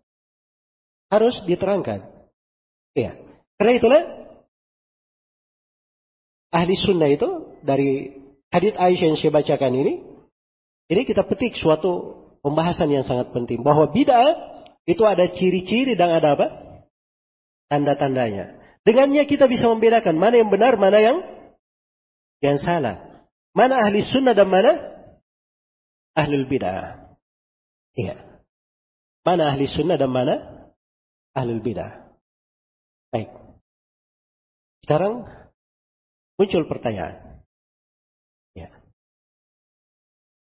Ini saya sulit membedakan mana orang yang di atas sunnah dan mana orang yang tidak di atas sunnah. Baik. Bagaimana cara mudah untuk membedakan? Cara mudah yaitu yang pertama, dia mengenal dulu pokok-pokok ahli sunnah itu apa, akidahnya apa. Terus dia mengenal pokok-pokok keyakinan ahlul bidah itu apa. Ini dua. Jadi kalau dia sudah kenal pokok akidah ahli sunnah saja, ini sebenarnya sudah cukup ya. Karena apa yang milisi jalannya ahli sunnah berarti ahlul bidah. Begitu saja. Itu cara mudah mengetahuinya. Jadi kalau dia tidak pelajari apa pendapat ahlul bidah, misalnya kaum khawarij terbagi menjadi sekian kelompok, kelompok ini pendapatnya begini dan begini dan begitu. Itu kadang tidak penting. Yang penting dia sudah tahu ahli sunnah yang dipegang, yang ajaran Nabi Shallallahu Alaihi Wasallam para sahabatnya, yang diwarisi oleh para imam, dan itu yang disebut ahli sunnah, keyakinan mereka begini. Jelas ya? Dan ini akidah ahli sunnah jelas. Tidak ada silam pendapat. Perkara yang disepakati. Perkara yang disepakati. Iya. Karena itu, dari keistimewaan agama Islam ini. Dari keistimewaan jalan Rasulullah SAW dan jalan para sahabatnya. Mereka tidak ada perselisihan di dalam pokok-pokok akidah. Pokok-pokok akidah adalah hal yang disepakati, tidak ada silam pendapat. Karena itu baca dari uraian Umar ibn Khattab tentang takdir. Itu sama dengan sahabat yang lainnya. Ya. Baca dari uraian Imam Abu Hanifah tentang akidah. Itu tidak ada bedanya dengan keyakinannya Imam Syafi'i, keyakinannya Imam Malik, keyakinannya Imam Ahmad. Baca dari akidah Imam Al-Bukhari tidak berbeda dengan pendahulunya. Imam Al-Auza'i, gurunya Ali bin Al-Madini, atau Sufyan Al-Thawri. Itu semuanya ada. Keyakinan-keyakinan dan akidah mereka. Ya, terwarisi hingga hari ini. Dengan sangat bersambung kepada mereka. Bersambung juga, bukan cuma di periwayatan, termasuk di pemahaman. Termasuk di pemahaman. Itu lengkap. Jadi kalau mengenal akidah ahli sunnah, pokok ahli sunnah, dengan sendirinya dia bisa mengenal jalannya ahlul bidah. Sebab kebalikannya itu disebut jalannya siapa? Ahlul bidah. Nah, kalau dia ingin lebih tegas di atas petunjuk, dia mengerti jalan ahlul bidah. Seperti Aisyah ini. Perhatikan ya Aisyah radhiyallahu anha. Begitu ada yang bertanya seperti ini, dia tahu ini pemahamannya kaum Khawarij. Langsung dia berkata, Haruriyah nanti. Kamu adalah seorang yang berpemahaman Khawarij. Iya. Jadi ada hal-hal yang seperti itu. Karena itu, kalau ada pertanyaan yang lain, bagaimana cara mengenal orang itu bukan ahli sunnah? Orang itu bukan ahli sunnah. Maka jawabannya, satu, apabila dia menyelisihi pokok-pokok keyakinan ahli sunnah. Yang kedua, atau dia menyelisihi di cabang-cabang permasalahan dan banyak kekeliruan di cabang-cabang itu. Ini yang kedua. Dan yang ketiga, apabila dia masuk ke dalam sebuah perkara yang menyebabkan perpecahan dan dia bangun loyalitas dan permusuhan di atasnya. Itu jelas. Masuk kerana ahlul bidah bukan jalannya ahli sunnah. Iya. Baik. Ini gambaran lengkapnya untuk mengenal ini bukan ahli sunnah. Ya. Bukan ahli sunnah. Baik. Muncul pertanyaan yang ketiga. Ada sebagian orang bukan ahli sunnah, tapi dia pandai menyembunyikan apa? Bid'ahnya.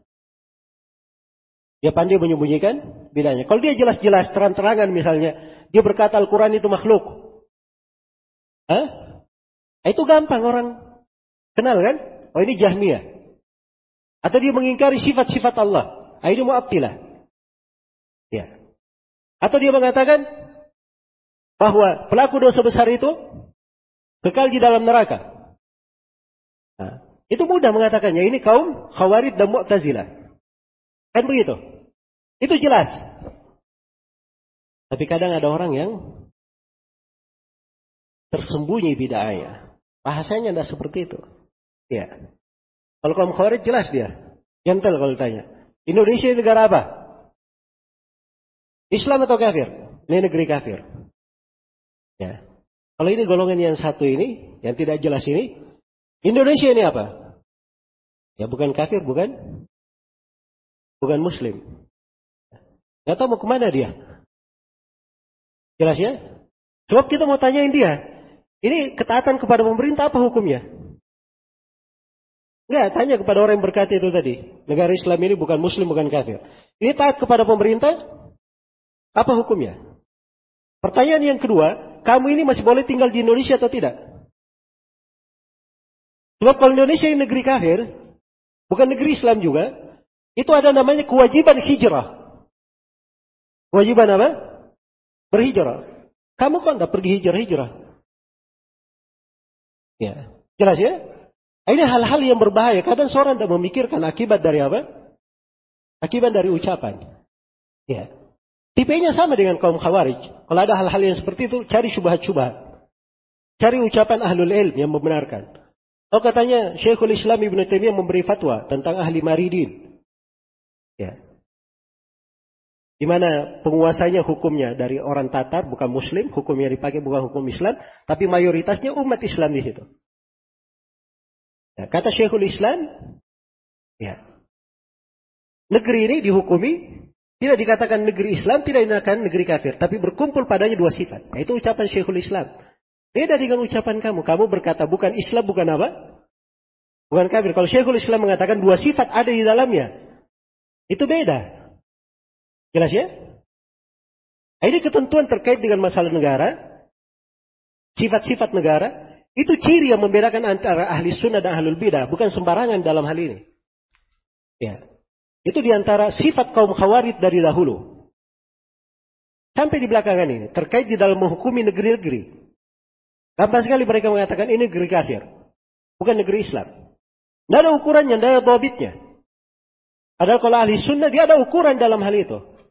Ada ucapan-ucapan as-salaf yang dia pegang. Ada ucapan-ucapan as-salaf yang dia pegang. Ini mungkin saya akan terangkan ya sebagian hal kalau ada masih tersisa waktu. InsyaAllah ta'ala. Baik ini poin yang ingin saya jelaskan di sini. Kalau suatu bid'ah itu tersembunyi. Orang itu tidak begitu jelas jalannya. Bagaimana cara mengenal bahwa dia ini tidak di atas sunnah? Bagaimana cara mengenal bahwa dia tidak di atas sunnah? Baik. Jawabannya untuk hal tersebut Cara mengenal bahwa dia tidak di atas sunnah itu dengan beberapa perkara. Dengan beberapa perkara. Perkara yang pertama, dilihat kepada kawan-kawannya. Dia bergaul dengan siapa? Dia bergaul dengan siapa? Siapa biasanya dia duduk dengan mereka? Dia akrab dengannya. Ya. Dia akrab dengannya. Nah ini timbangan ya timbangan. Karena Nabi Wasallam bersabda, "Al-mar'u ada dini falyanzur ahadukum man yukhaliluhu." Seorang itu di atas agama kekasihnya. Maka lihat siapa yang dia kasih itu, siapa yang biasa dia bersamanya. Al-khulla itu derajat tinggi mahabbah ya. Makanya ini hadith bukan untuk sekedar orang yang berjumpa sekali dua kali. Ya, bertemu di jalan berpapasan. Oh ini salaman dengan kaum khawarid. Berarti dia khawarid juga. Ya. Nah, ini tidak benar ya. Tapi ini melihat kawan dekatnya. Dia sebagai kawan dekatnya. Orang yang biasa dia kunjungi. Ya, itu terjadi bersamanya di berbagai keadaan. Bukan satu dua kali. Jelas ya? Maka itu ciri bahwa dia tidak di atas jalan. Tidak di atas jalan. Karena itu syah dari Ibnu Mas'ud radhiyallahu anhu, beliau berkata, ya, Eh tabirun nas bil akhdan. Ukurlah manusia itu dengan kawan-kawannya. Orang-orang yang biasa dengannya. Aina rajula la yukhadin illa man radiya nahwahu aw halahu. Karena seorang itu tidak berkawan, tidak menjadikan seorang sebagai kawannya, de, kawan dekatnya, kecuali siapa yang dia ridhai. Dia ridhai dirinya atau diridhai keadaannya oleh dia. Ya. Dan juga telah syah dari Imam Al-Auza'i, Abdurrahman bin Amr Al-Auza'i, Imam negeri Syam, di masanya. Beliau berkata, Man khafiyat alaina bid'atuh, falan takhfa alaina ulfatuh. Siapa yang bid'ahnya tersembunyi bagi kami, maka tidak akan tersembunyi pergaulannya. Keakrabannya ke mana. Ya, keakrabannya ke mana. Baik. Kemudian juga telah syah dari Abu Hatim uh, di, disebutkan oleh Ibnu Battah dalam kitab Al-Ibana dari Abu Hatim beliau meriwayatkan dari Abu Mushir ya, dengan bahasa hadis itu ya dari Al-Auzai. Al-Auzai berkata seorang itu diketahui dengan tiga hal di tiga tempat. Yang pertama bi ulfatihi dengan keakrabannya Wa yu'rafu fi majlisihi, diketahui dengan majelisnya, fi mantikihi, dan diketahui dengan ucapannya. Diketahui dengan ucapannya. Baik. Jadi kalimat-kalimat dari para ulama di dalam hal ini, ya sangat banyak sekali. Bagaimana mereka mengukur seseorang itu dengan apa? Dengan kawan-kawan dekatnya. Nah itu disebutkan oleh Ibnu Battah dalam Al-Ibanah bahwa suatu hari Sufyan Ats-Tsauri tiba di Basrah. Maka beliau pun melihat kepada Ar-Rabi ibn Subaih. Ar-Rabi ibn Subaih. Orang-orang bertanya tentangnya. Ya. Maka Sufyan Ats-Tsauri bertanya, mulai melihat kepada orang. Dia tanya, ini orang madhabnya apa? Jalannya apa? Kata orang-orang dia jalannya adalah sunnah. Kata Sufyan Ats-Tsauri, "Man bitanatu?" Siapa teman-teman dekatnya? Yang biasa dia duduk dengannya, selalu bergaul dengannya. Kata mereka ahlul qadar, orang-orang qadariyah. Kata Sufyan Ats-Tsauri, "Huwa qadari." Kalau begitu dia adalah orang qadariyah. Dilihat pada apa? Teman duduknya dia, yang dia selalu bersamanya. Jelas ya? Karena itu, kenapa ahli sunnah sedemikian tegas dalam hal ini? Karena salah satu prinsip pokok yang disepakati oleh salaf adalah memutus ahlul bidah. Ya. Tidak bergaul dan tidak duduk dengannya. Itu adalah hal yang disepakati, ditunjukkan oleh dalil dari Al-Quran dan dari Sunnah Rasulullah Sallallahu Alaihi Wasallam. Baik. Kemudian yang kedua, bagaimana cara mengenal seorang itu tidak di atas Sunnah? Cara yang kedua dengan melihat Ya, bagaimana dia memalingkan pembicaraan? Dia memalingkan pembicaraan ketika ditanya tentang orang-orang yang tidak di atas manhaj salaf. Ketika dia ditanya tentang orang-orang yang tidak di atas sunnah. Iya. Baik. Jadi ini ciri ya. Biasanya kalau ditanya tentang ahli bidah, jelas ini ahli bidah. Ditanya, oh, dia palingan pembicaraan. Ya. Ini diriwayatkan oleh Ibnu Asakir rahimahullah dalam tarikhnya dari Uqbah bin Alqamah. Beliau berkata, saya berada di sisi Arta'a bin Mundir. Maka ada sebagian orang yang di situ ditanya tentang apa namanya, seorang yang duduk dengan ahli sunnah dan ahlul bidah. Ketika disebut tentang penyebutan ahlul bidah, dia berkata, dauna min dikrihim. La tadkuruhum. Katanya biarkan kami, jangan sebut mereka. Jangan kalian sebut mereka. Hajat bin Arta di situ, yang mendengar pertanyaan, dia berkata orang itu termasuk mereka, termasuk ahlul bidah. Ya. Maka Uqbah bin Al-Qamah ini, ya, berkata saya mengingkari ucapan Arta tersebut. Maka saya pergi ke Syam untuk menjumpai Imam Al-Auza'i. Dan beliau katakan, Imam Al-Auza'i orang yang paling pandai menyingkap hal-hal yang seperti ini. Maka Lauzai berkata apa? Sadaqa arta'a. Arta'a sudah benar. Al-qawlu maqal. Ucapan yang benar seperti yang dia ucapkan. Iya. Orang ini, yang, yang satunya lagi, itu melarang dari menyebut ahlul bidah. Kata beliau, kapan ahlul bidah itu akan diingatkan bahayanya? Apabila mereka disebut. Kapan ahlul bidah itu diingatkan bahayanya? Kalau mereka tidak diterangkan tentang keadaannya.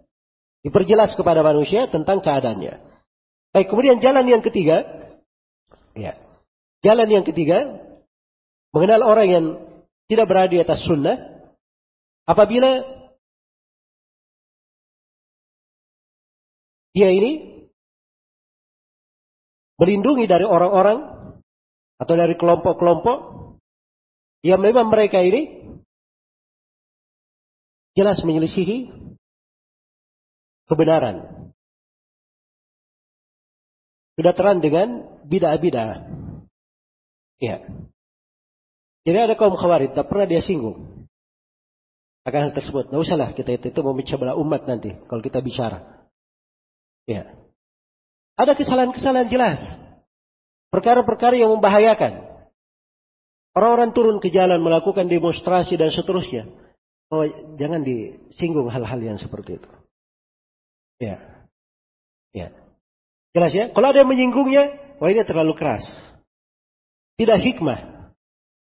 Ya Masya Allah, kamu hikmahnya sampai mana? Ya. Ini menjadi masalah ya. Di sini ada suatu hikmah yang besar ya, yang saya beri hikmah. Kalau mau hikmah ini hikmah, saya beri. Ya. Ini dari Abu Sakin Zakaria bin Yahya rahimahullah. Sebagaimana yang diriwayatkan oleh Imamul Ajurri dan Lalakai dalam etikat ahli sunnah. Beliau berkata, saya mendengar Abu Bakar bin Ayyash. Ini dari ulama negeri Syam. Seorang berkata kepadanya, Ya Abu Bakar, manis sunni?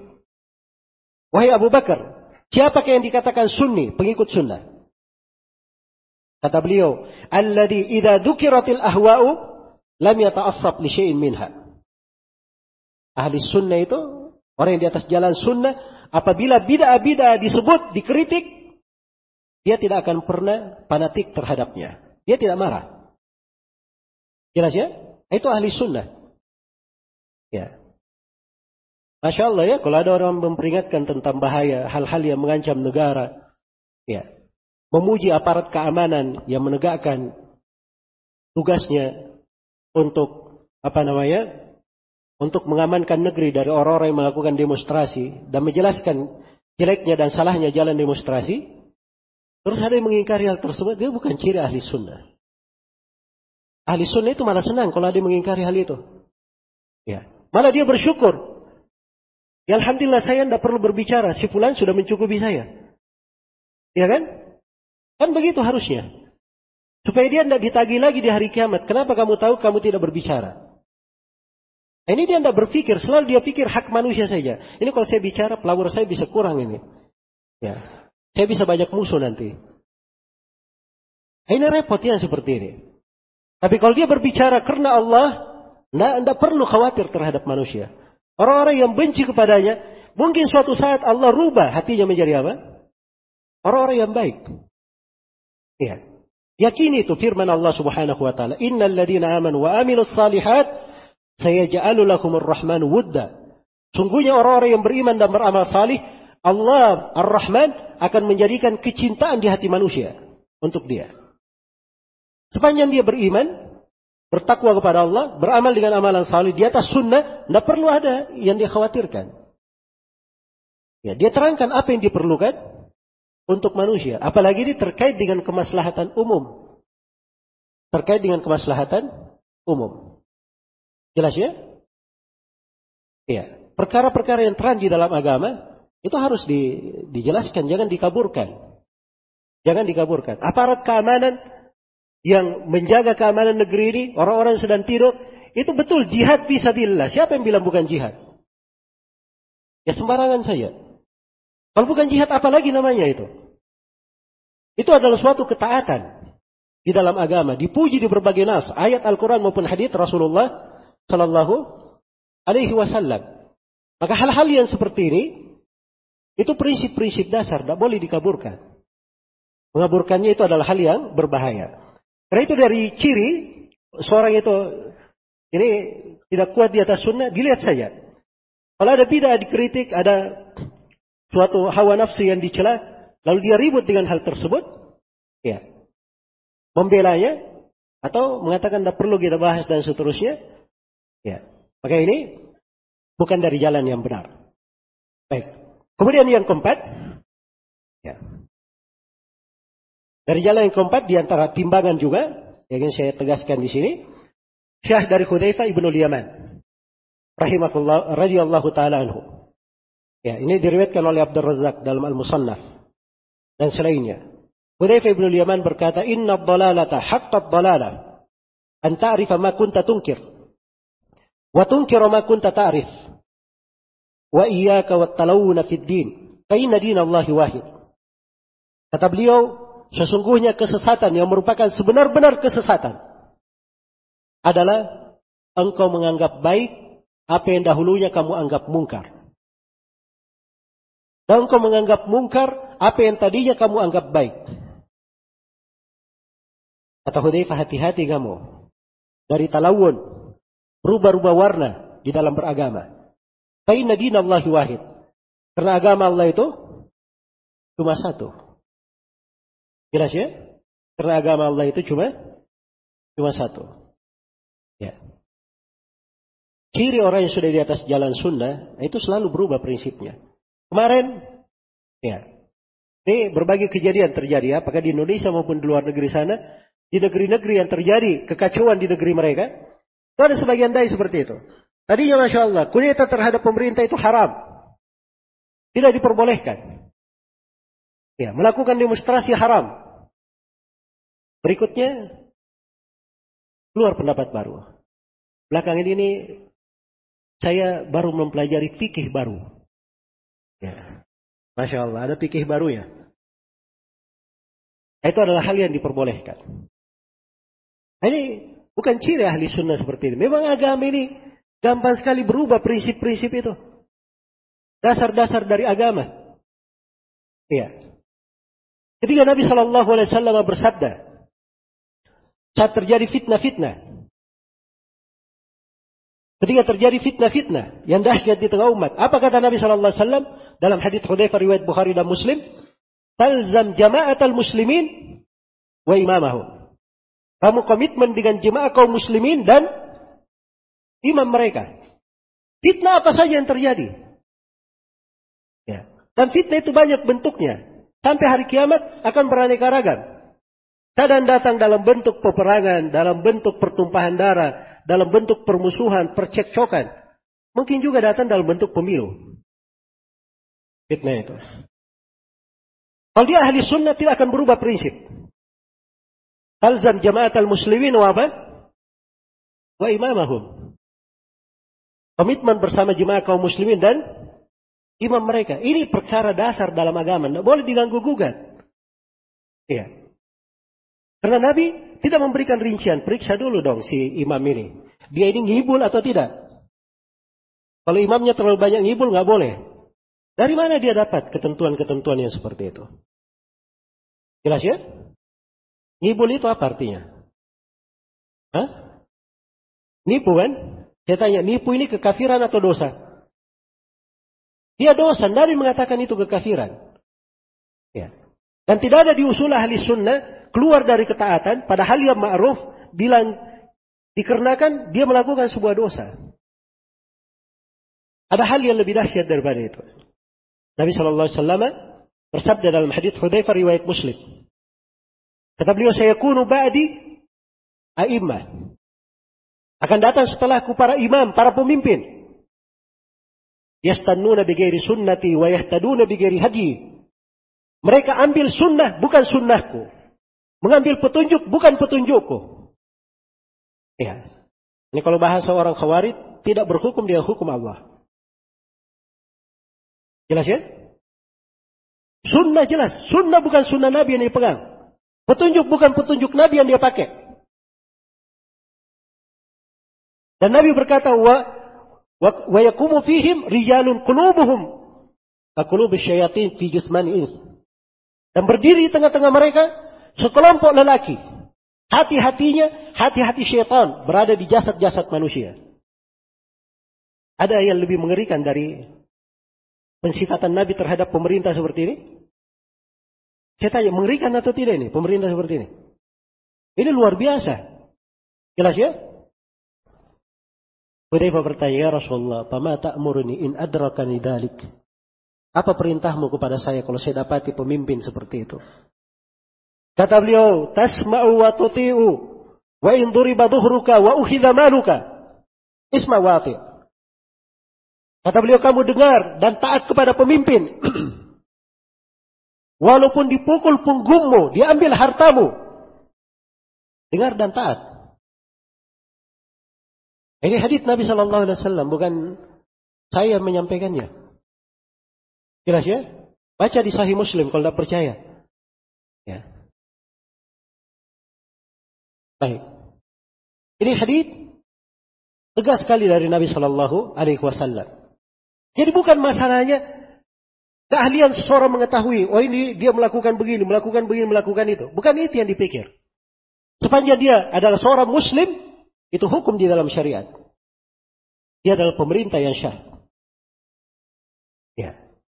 Kewajiban kita bersabar terhadap kedolimannya kalau dia berbuat dolim. Mendoakannya supaya dia selalu dibimbing oleh Allah di atas ketaatan. Menasihatinya dengan cara yang benar. Bagaimana cara yang benar menasihati? Ya. Cara yang benar menasihati itu sudah dituntunkan oleh Nabi Sallallahu Alaihi Wasallam.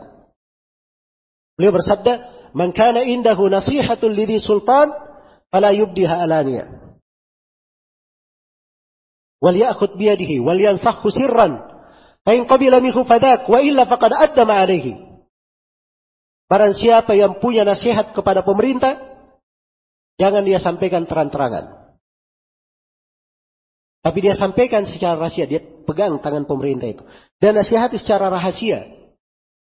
Kalau diterima darinya, maka itulah yang diinginkan. Kalau tidak diterima, dia sudah sampaikan kewajibannya. Itu cara menasihati. Ya, menasihati secara rahasia. Bukan dengan ribut-ribut di jalan. Bukan pula dengan apa? Mencela di atas mimbar-mimbar. Bukan pula dengan mengetik status-status. Ya. Masya Allah. Ya. Tempat curhatnya di status. Bagaimana caranya? Ya. Kayak nggak ada kerjaan saya. Ini masalah agama. Hal-hal yang seperti ini. Ini kaitannya dengan apa? Kaitannya dengan keamanan di sebuah negeri. Wibawa pemerintah itu harus dijaga. Sebab itu kemaslahatan untuk semuanya. Kemaslahatan untuk semuanya. Itu akan merekatkan hati antara rakyat dan pemimpinnya. Kenapa dilarang mencela?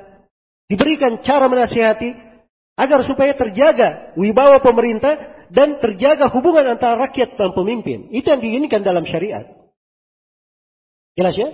Itu penasihat namanya. Dia tidak memikirkan maslahat dirinya. Kalau memikirkan maslahat diri itu Imam Ahmad itu harusnya memikirkan maslahat diri. Bayangkan beliau di penjara di tiga generasi pemerintahan. Sudah berganti tiga khalifah di penjara beliau. Imam Ahmad. Ujian. Eh bersamaan dengan itu beliau berkata, "Lau kanat li da'watun mustajabah, ma ja'altuha illa lis-sultan." Andai kata saya punya doa yang pasti dikabulkan, diterima oleh Allah, didengarkan, maka doa ini saya hanya peruntukkan untuk kebaikan pemerintah. Kalau pemerintah baik, baik seluruh rakyat. Ini baru orang yang apa? Tulus dan ikhlas. Jelas ya? Kalau dia selalu berpikir dirinya, wah ini kita ini kita merasa begini, merasa begini. Ya. Ini juga ada kekeliruan di sudut lain. Ini kan namanya kamu mendapatkan hal yang seperti itu. Itu bentuk dari musibah. Bentuk dari ujian. Saya tanya, ujian atau musibah itu? Masuk dalam ujian dan musibah atau tidak? Masuk dalam ujian dan musibah. Kalau masuk dalam ujian dan musibah, asalnya seorang itu jangan cari kambing hitam. Ya salahkan dirinya dulu. Ya mungkin saya terlalu banyak dosa. Mungkin banyak kekeliruan yang saya lakukan. Akhirnya kita ditimpa masalah-masalah yang seperti ini. Nah, begitu cara berpikirnya. Ya. Agar supaya tercipta kebaikan, tercipta kebaikan di tengah manusia. Jadi tidak ada perubahan di dalam prinsip-prinsip itu. Ya kalau orang yang terbiasa berubah, hari ini berkata begini, hari ini berkata begitu. Prinsip ahli sunnahnya bisa di bisa di style style sesuai dengan keperluan. Ya masya Allah ya. Ini adalah hal yang tidak benar. Baik. Nah ini subhanallah ya di apa namanya di masa yang seperti ini kadang kita uh, menemukan orang-orang yang berbicara dengan agama. Kadang kalau melihat dari ketulusan keikhlasan, masya Allah banyak dari orang kita harus memujinya dalam ketulusan dan keikhlasan. Iya. Dan kita memang tidak pernah berbicara tentang niat orang. Ya. Tentang niat orang. Tapi yang dilihat jalannya. Jalannya ini mencocoki sunnah Nabi atau tidak? Mencocoki sunnah Nabi atau tidak? Baik. Kemudian masalah yang terakhir. Dari hadits Aisyah. Ini terdapat di dalam hadits penjelasan tentang tanda-tanda kaum khawarij secara khusus. Identifikasi identifikasi kaum khawarij itu. Baik. Jadi di antara ciri yang disebut oleh Aisyah radhiyallahu taala anha di sini mereka ini punya sikap ekstrim dalam beragama. Karena itu pertanyaannya, apakah perempuan yang haid, kenapa perempuan yang haid tak saum mengkodok puasa, sedangkan dia tidak mengkodok apa? Tidak mengkodok sholatnya. Iya. Ini menunjukkan kaum khawarij itu ada cirinya. Ada madhabnya. Ada pendapat-pendapat yang mereka pegang. Ada pendapat-pendapat yang mereka pegang. Iya. Baik. Nah, ciri-ciri ini, ini yang perlu kita mempelajarinya dari hadits-hadits Rasulullah Sallallahu Alaihi Wasallam. Ya, Masya Allah ya, ini waktunya sudah sempit ya. Saya ingin bacakan hadits-hadits tentang kaum khawarid. Ya. Ini di catatan saya di sini ada 10 hadits yang mau sampaikan. Ya. Saya sengaja 10 hadits karena Imam Ahmad berkata syah tentang penjelasan kaum khawarij dari Nabi bin asyrati aujuh daripada dari 10 jalur periwayatan. Ya. Dan ternyata lebih daripada itu yang disebutkan oleh para ulama rahimahumallahu taala tentang sifat-sifat dan ciri-ciri kaum khawarij. Baik. Karena itu mungkin di sini saya akan uh, terangkannya beberapa karakteristik dan ciri dari kaum khawarij itu bersama dengan beberapa hadis yang saya akan bacakan. Ini masih ada waktu sekitar 10 sampai 15 menit ya untuk hal tersebut. Baik.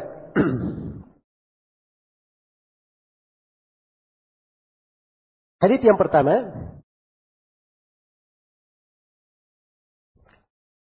adalah berasal dari riwayat Al-Bukhari dan Muslim. Berasal dari riwayat Al-Bukhari dan Muslim. Dari Jabir bin Abdullah radhiyallahu anhu. Kata beliau, "Ata rajulun Rasulullah sallallahu alaihi wasallam bil Ji'rana." Seorang lelaki mendatangi Rasulullah SAW di Jirana. Ini di Mekah ya. Jirana itu di Mekah. Baik. Setelah beliau kembali dari perang Hunain. Ini kejadiannya setelah perang Hunain. Jadi ada Fathu Mekah, setelah itu perang Hunain. Begitu beliau balik, ini kejadian di Jirana. Masih di Mekah. Dan waktu itu Bilal sedang membagi perak yang berada apa namanya dari harta kaum muslim. Ada di bajunya Bilal. Perak itu. Nabi mengambil, menciduk dari perak, dibagi-bagi ke orang. Dibagi-bagi kepada kaum muslimin. Dalam keadaan seperti itu, datang seorang lelaki kepada Nabi Shallallahu Alaihi Wasallam. Dia berkata, ya Muhammad, i'dil. Dia berkata, Wahai Nabi Muhammad, berlaku adillah. Qala wailaka wa man ya'dilu idza lam akun adil. Laqad khibta wa khasirta illa akun adil. Kata Nabi sallallahu alaihi wasallam, betapa celakanya engkau Siapa yang berlaku adil jika saya tidak berlaku adil? Sungguh engkau telah celaka dan merugi jika saya tidak berlaku adil. Ini salah satu ciri kaum khawarij. Kelancangan. Jur'ah. Ya, kalau dibawakan ucapan Nabi Shallallahu Alaihi Wasallam, boleh aja dia katakan, wah itu nggak cocok. Iya. Jelas ya? Atau di apalagi di masa sekarang ini ya, dibawakan fatwa para ulama tentang haramnya sebuah perbuatan-perbuatan yang seperti itu. Nah, itu siapa mereka itu? Mereka laki-laki, saya juga laki-laki. Jelas ya? Ini menjadi masalah. Dari sifat kaum khawarij, kelancangan. Iya. Umar bin Khattab radhiyallahu taala anhu berkata, "Da'ni ya Rasulullah, faqtul hadal munafik." Ya Rasulullah, biarkan saya memenggal leher orang munafikin. Maka maka Nabi berkata, Ma'adallah ayatahaddathan nasu anni aktul ashabi. Kata beliau, Ma'adallah. Ya. Saya berlindung kepada Allah. Jangan sampai manusia bercerita bahwa saya membunuh sahabat-sahabatku sendiri. Ini dari Kiki bahwa kaum khawarid itu, kalau mereka ada, wewenang di dalam memeranginya itu bukan wewenang orang per orang. Makanya Umar minta izin kepada siapa? Pada Nabi. Nggak langsung maju Umar kemudian dipenggal, tidak. Tapi bilang dulu kepada Nabi, ya Rasulullah biarkan saya penggal lehernya. Nabi tidak menyarankan hal itu. Padahal akan datang nanti hadit-hadit Nabi perintahkan untuk memerangi kaum khawarij. Dan dijadikan orang yang memeranginya, orang yang paling baik berjihad, orang yang terbunuh oleh kaum khawarij adalah mayat yang mati syahid terbaik di bawah kolon langit. Tapi di sini kenapa tidak diperangi orang ini? Nabi berkata jangan sampai manusia bercerita bahwa saya membunuh kawan-kawanku sendiri. Iya. Jelas ya? Ini memang ada urusan terkait dengan negara. Itu ada wewenang pemerintah di dalam hal itu. Iya. Ada wewenang pemerintah dalam hal itu. Karena itu beda antara Utsman ibn Affan radhiyallahu taala anhu dan Ali bin Abi Thalib. Kaum Khawarij ini sudah mulai ada di masa siapa? Utsman ibn Affan. Bahkan sebab kaum Khawarij ini Utsman ibn Affan terbunuh radhiyallahu anhu. Dan Utsman ibn Affan sangat mampu Cuma mengatakan kepada para sahabat, perangi mereka kaum khawarij ini. Akan diperangi semuanya oleh para sahabat. Para sahabat itu menunggu perintah Utsman. Tapi Utsman melihat terapinya bukan seperti itu. Beliau memandang terapinya, beliau bersabar dan lebih apa namanya? Melihat kalau beliau mengorbankan dirinya. Itu ijtihad siapa? Utsman radhiyallahu taala. Beda dengan Ali bin Abi Thalib dan para sahabat. Ya. Yang bersabarnya. Mereka memandang bahwa hal yang terbaik pada orang-orang khawarij ini adalah apa? Adalah memerangi mereka. Nah ini semuanya sejalan dengan kaidah syariat. Tidak ada yang dikatakan ini keliru, ini benar. Tidak. Semuanya benar. Semuanya berjalan sesuai dengan ketentuan dan sunnah Nabi Sallallahu Alaihi Wasallam. Kemudian Nabi berkata, Inna hada wa ashabahu yakraun al-Quran. Sungguhnya orang ini dan kawan-kawannya mereka membaca Al-Quran. Ya. Ya kaum khawarij dari sifatnya bukan artinya mereka tidak ada membaca Al-Quran. Bukan ahli ibadah. Ada dari orang-orang khawarij itu hafal Al-Quran. Iya. Bagus hafalannya. Jelas ya? Itu ada ya di sebagian orang yang ditangkap di Indonesia ini. Berulang kali masuk, keluar masuk penjara. Hafal Quran. Hafal banyak hadis. Hafal tidak ada di tidak nyambung di hatinya, tidak paham dia apa yang ada di dalam kandungan Al-Quran tersebut. Baik. Karena itu kata Nabi, la yujawizu hanajirahum. Ya. Al-Quran itu tidak melewati pangkal tenggorokan mereka. Yang berukuna minhu karena yang berkusahmu minar ramiyah. Mereka keluar dari agama seperti keluarnya busur atau anak panah menembus sasarannya. Ini hadis Jabir bin Abdullah. Ya. Semisal dengannya hadis Abu Sa'id Al-Khudri radhiyallahu taala anhu dan disebutkan yang datang ini bernama Dzul Khuwaisirah. Ya. Kemudian Nabi berkata, "Inna min inna min dhi'di hada qauman yaqra'una al-Qur'an la yujawizu hanawijirahum hanajirahum yamrukuna min al-Islam muruqus sahmi min ar-ramiyah yaqtuluna ahla al-Islam wa yada'una ahla al-awthan lain adraktuhum la'aktulannakum qatla ad. Kata Nabi, sungguhnya di belakang orang ini ada sekelompok kaum yang membaca Al-Quran. Tetapi bacaannya tidak melewati pangkal-pangkal tenggorokan mereka. Mereka keluar dari Islam seperti keluarnya anak panah dari sasarannya. Mereka memerangi kaum muslimin dan membiarkan para penyembah berhala. Ini sifat khawarij ya. Terhadap umat Islam luar biasa. Ya. Halal darah umat Islam itu. Ada ahlul authan, kaum musyrikin, mereka tidak perangi. Mereka tidak memerangi. Karena itu disebutkan di salah satu kisah yang menakjubkan. Ya, bagaimana kaum Khawarij ini itu mendatangi seorang sahabat yang mulia, eh, seorang anak sahabat namanya Abdullah bin Khabbab.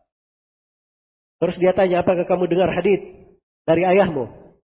Iya, saya dengar dari ayahku. Ayahku meriwayatkan dari Nabi. Nabi bercerita tentang kaum Khawarij begini. Maka Abdullah bin Khabbab oleh mereka dipenggal kepalanya. Sampai mengalir darahnya ke mana?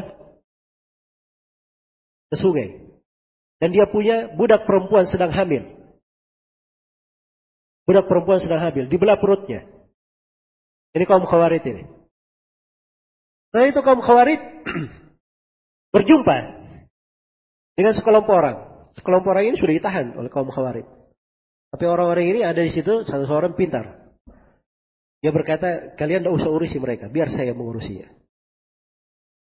Nah, maka ini bicaralah kepada kaum khawarij. Kami ini kaum musyrikin, kata dia. Kami ini kaum musyrikin. Jadi dia menyamar menjadi apa? Kaum musyrikin. Kami ini kaum musyrikin. Kami ingin kenal Islam. Oh bagus kalau kalian ingin kenal Islam. Kata kaum khawarij. Maka mereka pun mengajari mereka apa? Islam. Terus kata orang ini, kami ingin masuk ke dalam Islam. Ya, menerima keislaman. Bagus, kata kaum Khawarij. Setelah itu orang ini berkata, di dalam Al-Quran, Allah berfirman, Wa in ahadun minal musyrikin astajaraka fa'ajirhu hatta yasma'a kalam Allah. Thumma ablikhu ma'manah. Apabila salah seorang dari kaum musyrikin meminta jaminan keamanan kepadamu, beri jaminan keamanan. Sampai dia mendengar firman Allah. Kata mereka, saya tadi musyrik, saya minta jaminan keamanan kamu berikan. Saya sudah mendengar firman Allah dari kalian. Saya sudah terima. Sekarang antar kami ke keamanan kami berdasarkan ayat. Maksudnya lepaskan dia. Diantar ke tempat aman supaya dilepaskan. Maka kaum khawarit ini menoleh sebagian ke sebagian yang lain. Ya benar juga ya. Dia baca ayat ini. Akhirnya mereka dibawa satu rombongan tempat yang aman dilepaskan mereka. Coba lihat kejahilan kaum khawarij ini. Jelas ya? Sampai sedemikian rupa. Baik. Jadi ahli Islam mereka perangi. Ahli lautan mereka tinggalkan. Karena itu kata Nabi, andai kata saya temukan kaum khawarid ini, saya akan membunuh mereka. Seperti kaum Ad dibunuh hingga binasa, hingga tuntas. Kaum Ad itu dibinasakan hingga tuntas. Iya. Ini syariat ya pemerintah untuk memerangi khawarid. Ini bukan orang per orang, ini tangan siapa? Tangan pemerintah. Baik. Kemudian di antara yang penting tentang kaum Khawarij adalah hadis Suwaid bin Qafalah. Beliau berkata bahwa Ali bin Abi Thalib meriwayatkan dari Nabi Shallallahu Alaihi Wasallam. Rasulullah bersabda, "Saya fi akhir zaman qaumun ahdathul asnam, sufahaul ahlam, yaquluna min khairi qaulil bariyah." Akan keluar pada akhir zaman suatu kaum yang umurnya masih muda. Lagi agalnya pendek. Mereka berucap dengan ucapan sebaik-baik makhluk. Sifat umumnya mereka itu ahdathul asnam. Umurnya muda. Terus akalnya pendek. Akalnya pendek. Menunjukkan sedikitnya fikih dalam agama. Sedikitnya fikih dalam agama. Karena itu jangan ada yang berbangga ya dengan banyaknya hafalan. Banyak menghafal itu belum tentu menunjukkan dia punya fikih dalam apa? dalam agama. Hafalan itu lain, fikih lain. Iya. Nah itu kaum khawarid hafal mereka. Dari ayat-ayat Al-Quran. Hafal Al-Quran. Iya. Mereka membacanya dalam sholatnya sedemikian rupa. Tapi mereka tidak punya fikih terhadap ayat-ayat yang mereka mereka baca. Baik. Dan di akhir hadis dikatakan, "Fa'il tumuhum faktuluhum." Kalau kalian menjumpai kaum khawarid ini, maka bunuhlah mereka. Fa'inna fi qatlihim ajaran. Karena di dalam membunuhi mereka ada ada pahala. Liman qatalahum indallahi yaumal qiyamah. Bagi siapa yang memerangi mereka di sisi Allah di hari kiamat. Iya. Jadi kalau ini bahasa yang seperti ini, bahasanya apa? Jihad atau bukan yang seperti itu? Itu masuk di dalam jihad. Dan memang yang memeranginya adalah pemerintah ini bukan orang per orang. Ini urusan pemerintah. Urusan pemerintah. Baik, banyak lagi ya di hadit-hadit dari Rasulullah Sallallahu Alaihi Wasallam. Tapi saya ingin memberikan eh, sifat-sifat uh, kaum khawarij secara umumnya. Di antara sifat mereka itu ekstrim dalam beragama. Terus di antara sifat mereka juga, mereka tidak menoleh kepada sunnah. Dan selalu diperhatikan berpegang terhadap apa? Al-Quran saya. Iya. Yang mereka menyangka cuman berpegang dengan Al-Quran. Kemudian dari sifat kaum khawarid itu, mereka menuduh para ulama dengan menjilat kepada pemerintah.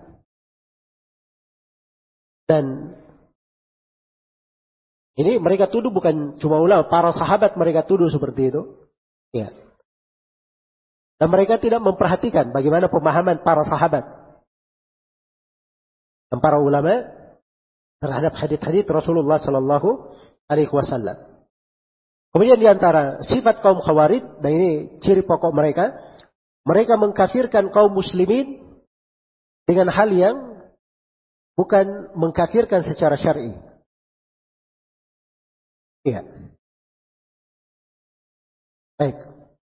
Belakangan ini saya melihat ada perkembangan yang bagus ya di sebagian aparat keamanan kita. Mereka paham bahwa di antara ciri kaum khawarid itu ada pemahaman apa? Pemahaman mengkafirkan tanpa kebenaran. Ya. Tapi mereka menjadikannya sebagai pemahaman takfiri, pengafiran saja begitu. Nah itu tidak benar ya. Pengafiran itu ada dua jenis. Ada ke pengafiran dengan hak. Ya. Pengafiran dengan hak itu benar. Itu bagian dari agama. Kaum khawarid ini pengafiran dengan kebatilan. Nah, itu kesalahan mereka. Sembarang di dalam mengafirkan. Sembarang di dalam mengafirkan. Adapun pengafiran dengan kebenaran itu ada bab khusus dalam agama. Dihukum orang-orang yang murtad. Ada yang murtad karena melakukan syirik akbar. Ada yang murtad karena mencela nabi atau para nabi. Ada yang murtad karena mengolok-olok agama. Ada yang murtad karena melakukan perdukunan. Ya, itu hal-hal disebutkan sebagai pembatal-pembatal apa? Keislaman. Ya jangan dikatakan mengafirkan ini berarti kamu takfiri. Itu keliru ya. Baik. Jadi ciri kaum khawarij, mereka mengafirkan kaum muslimin dengan hal yang tidak benar. Kemudian dari ciri mereka juga dan sifat mereka, ya, kaum khawarij itu selalu menggugat pemerintah. Selalu menggugat pemerintah. Ya. Apa yang dia gugat? Kadang dalam keabsahannya sebagai seorang hakim. Kadang pemerintahnya dikafirkan oleh dia. Dan kadang pemerintahnya dianggap tidak syah pemerintahannya. Tidak syah pemerintahannya. Dan kadang dia berbicara tentang status negeri kaum muslimin. Ya. Tentang negeri kaum muslimin. Baik. Ini ada hal yang sudah beredar. Harus diluruskan ya. ya jangan ada yang berkata bahwa Indonesia ini bukan negeri Islam, bukan pula apa? Negeri kafir. Ya. Atau mengatakan bahwa Indonesia ini adalah negeri ahad. Nah ini juga keliru ya. Betul di dalam penduduk Indonesia ada perjanjian yang dijaga bersama. Nah, itu yang disebut dengan Pancasila.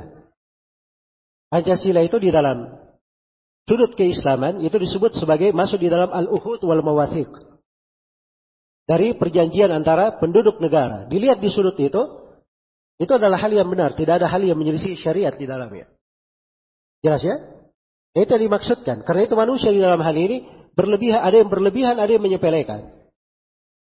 Ada yang berlebihan, ada yang apa? Menyepelekan. Baik. Jadi jangan langsung serta-merta memfonis bahwa ini Pancasila berarti Togut berarti apa? Menunjukkan Indonesia ini adalah negeri kafir. Ya, itu tidak seperti itu. Baik. Apa ukuran sebuah negeri dikatakan sebagai negeri Islam atau negeri kafir? Saya akan bacakan ya nas-nas dari akidah para ulama as-salaf di dalam hal ini. Kata Imam Abu Bakar Al-Ismaili rahimahullah di pembahasan i'tiqad aimatil hadith ini dimasukkan di pembahasan akidah ya. Masuk di usul ahli sunnah. Menurut pandangan Imam Abu Bakar Al-Ismaili. Kata beliau, wa yarawna anna dar daru, daru Islam, la daru kufur. Kama ra'athul mu'tazilah. Dan ahli sunnah memandang bahwa negeri kaum muslimin itu adalah negeri Islam. Bukan negeri kekafiran. Sebagaimana ucapan kaum Mu'tazilah. Jadi memandang negeri kaum muslimin sebagai negeri kafir itu cuma siapa? Kaum Mu'tazilah. Adapun para ulama ahli hadis tidak. Mereka memandang bahwa negeri adalah negeri Islam. Apa ukurannya negeri Islam? Kata beliau, "Madaman nida'u bis salati wal iqamati biha zahirain wa ahluha mumakkirin.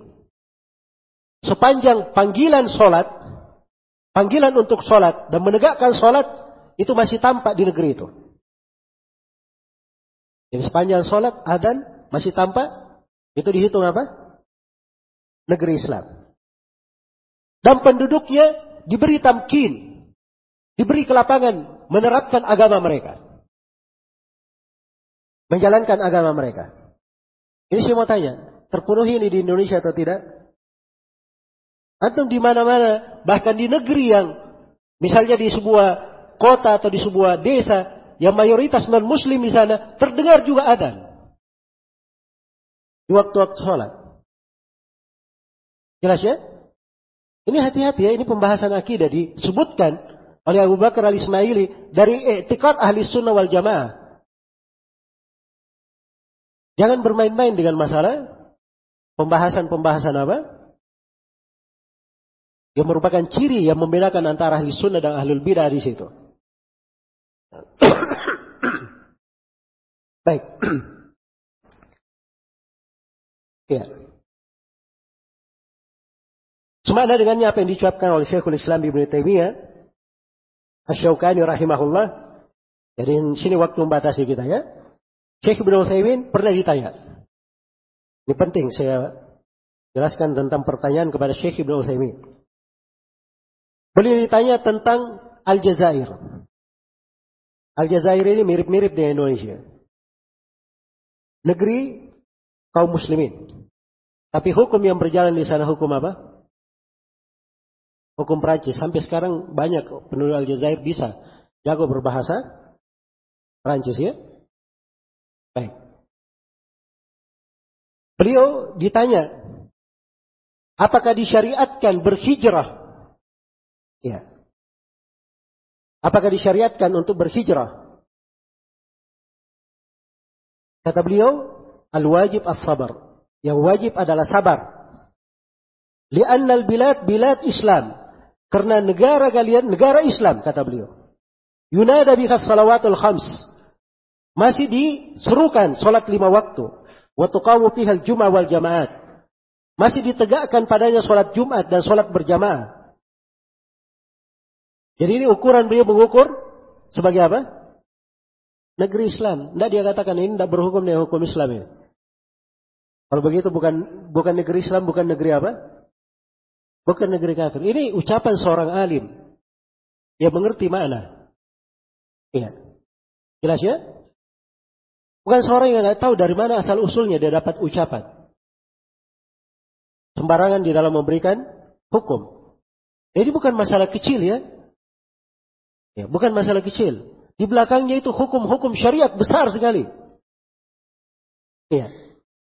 Terkait dengan kehalalan darah, kewajiban taat kepada pemerintah, terkait dengan masalah penegakan hukum-hukum hudud, hukum-hukum had, hukum-hukum takzir. Ya. Kemudian terkait dengan masalah hijrah, terkait dengan masalah jihad, terkait dengan masalah jamaah, terkait dengan masalah imamah, terkait dengan masalah bayat. Banyak sekali hukum yang terkait di dalamnya. Ya. Karena itu kalau lihat ahlul bidah, mereka melanggar di dalam hal yang seperti ini. Disebut tahrir misalnya. Disebut tahrir itu anggapannya apa? Anggapannya pemerintah tidak syah. Kenapa? Bagi mereka, pemimpinnya Syah itu khalifah. dalam pandangan picik mereka. Pemimpin yang syah itu khalifah. Khalifah apa? Khalifah yang menguasai semua dunia. Baru khalifah. Ya kalau cuma Indonesia saja itu tidak syah. Nah, ini pemahaman keliru, menyelisih jalan yang lurus. Menyelisih jalan yang lurus. Karena itu telah dinukil kesepakatan oleh Syekhul Islam Ibn Taimiyah, Imam Syaukani, Syekh Muhammad bin Abdul Wahab. Ya. Islam, negeri Islam ketika sudah semakin luas, setiap iklim ada pemimpinnya masing-masing, maka setiap pemimpin itu syah menjadi seorang pemimpin. Dan dia memiliki hak sebagai seorang imam dan khalifah. Di penamaan syari dia syah dikatakan sebagai khalifah juga. Jelas ya? Syah dikatakan sebagai khalifah. Cuman mereka tidak tahu kesepakatan para ulama. Kenapa tidak tahu? Orang-orang jahil tidak belajar. Nanti ada belajar dan tahu keyakinan-keyakinan, maka tidak akan berucap seperti itu. Itu sama dengan ucapan orang-orang Syiah. Orang-orang Syiah mengatakan bahwa semua pemerintahan yang di atas muka bumi ini tidak syah.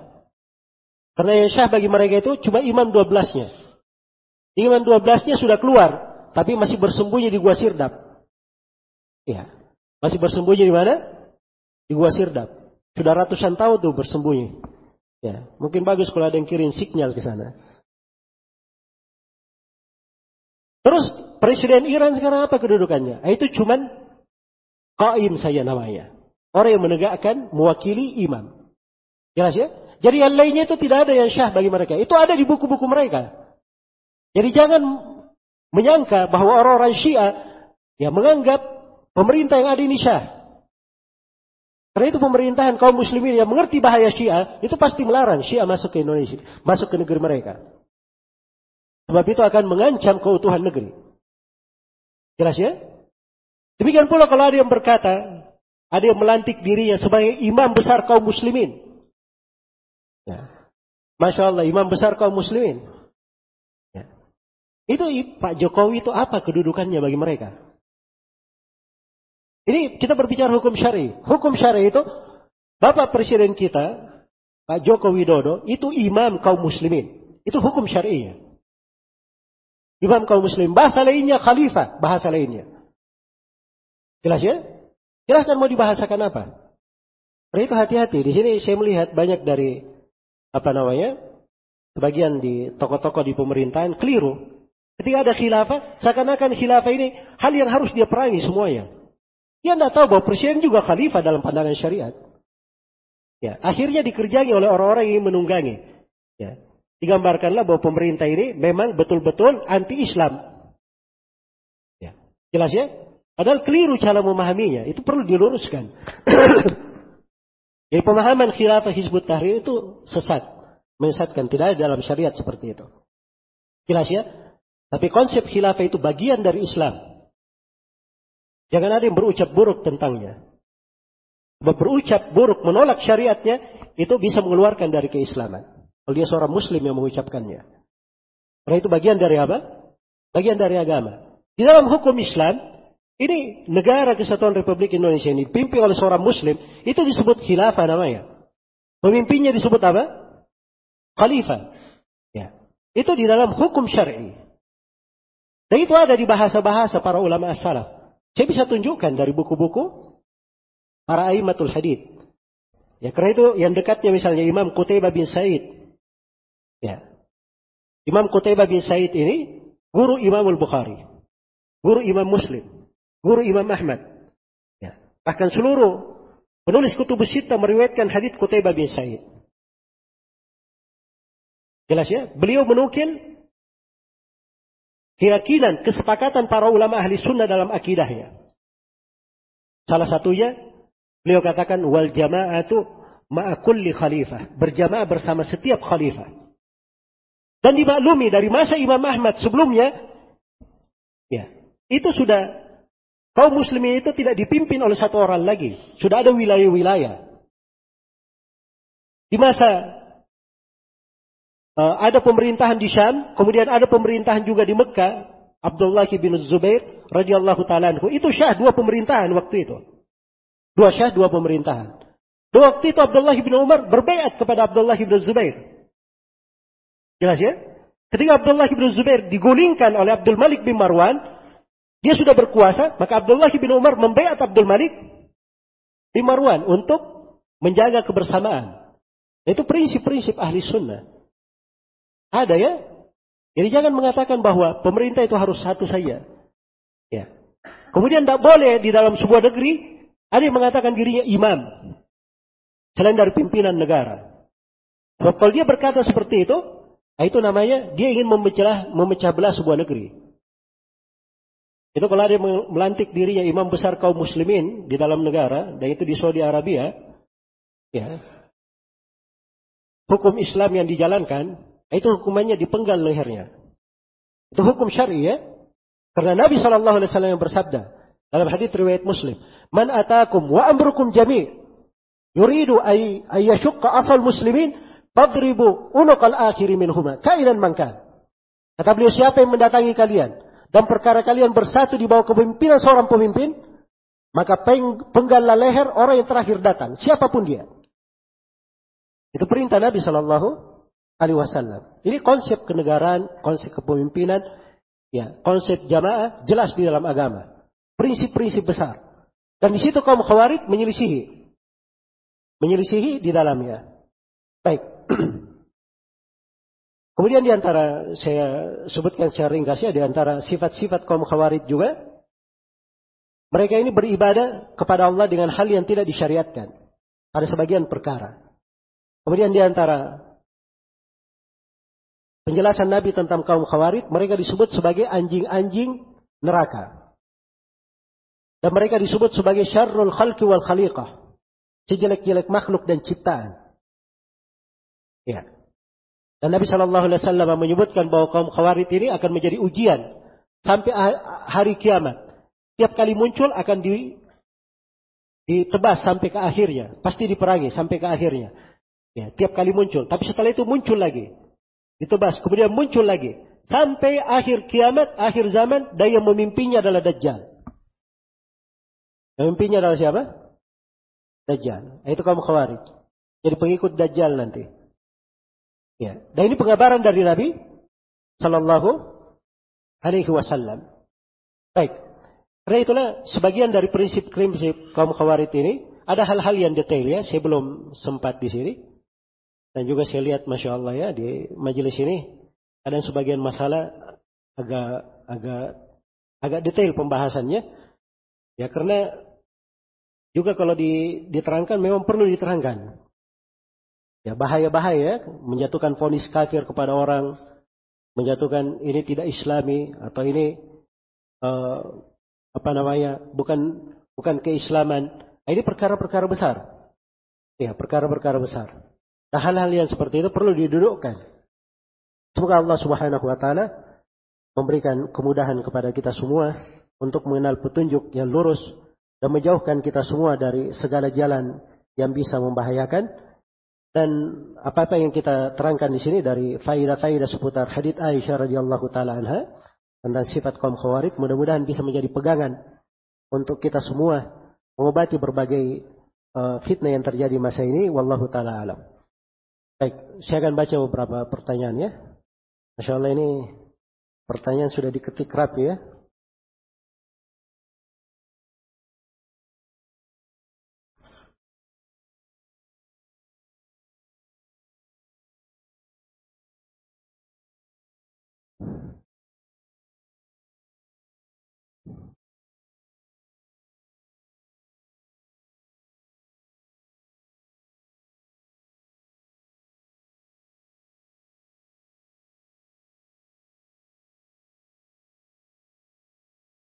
Baik ini ada katanya beberapa pemuda dari suatu jamaah belajar di Mahat Haram Mekah.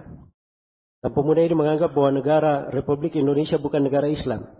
Karena berada, berasaskan Pancasila dan Undang Dasar 1945. Sehingga pemerintah Republik Indonesia dihukumi sebagai togut dan batal keislamannya. Berdasarkan beberapa kitab Syekh Muhammad bin Abdul Wahab. Ini yang terakhir yang menjadi masalah. Ya. Jadi masalah. Kalau dia mengandung pemahaman yang seperti ini, ini memang jemaah dari dulu pemahamannya seperti itu. Jelas ya? Mengakhirkan orang yang di luar kelompoknya. Orang yang di luar kelompoknya. Ini kelompok sudah dilarang di Indonesia ini dari dahulu berganti-ganti nama. Berganti-ganti nama. Orang yang masuk di orang yang di luar kelompoknya itu najis. Kalau masuk ke masjidnya bisa dipel nanti masjid itu. Walaupun belakangan ini lebih moderat ya. Lebih moderat belakangan. Kalau ada orang berkunjung ke masjidnya bagus biasa, tapi kalau sudah pulang baru dia pel. Ya. Kalau sebelumnya tidak seperti itu. Baik. Nah, ini memang pemahamannya seperti itu. Yang aneh bingung ajaibnya orang-orang ini, baru belakangan dia pergi belajar ke Mekah. Ambil sanat baru. Baik sanat mangkul kalian yang lama itu di mana? Apa tidak syah lagi sanat mangkul kalian yang lama? Jelas ya? Baik itu pertanyaan pertama yang harus ya dibenahi oleh mereka di situ. Kemudian yang kedua, Menghukumi kekafiran negeri ini berdasarkan buku-buku Syekh Muhammad bin Abdul Wahab, itu cirinya kaum khawarij di masa sekarang, di Indonesia ini. Itu ciri kaum khawarij. Sampai yang korban khawarij pun tahu itu. Ya, itu ada salah satu korban khawarij pernah tampil di salah satu stasiun televisi dalam sebuah acara diskusi. Dulunya dia mantan teroris, ya. Tapi katanya tobat, tobat tanda petik ya. Katanya tobat. Dia katakan bahwa sumber pemikiran mereka itu dari buku Ad-Durarus Sariyah katanya. Ini orang tobat yang seperti aneh, aneh sebenarnya.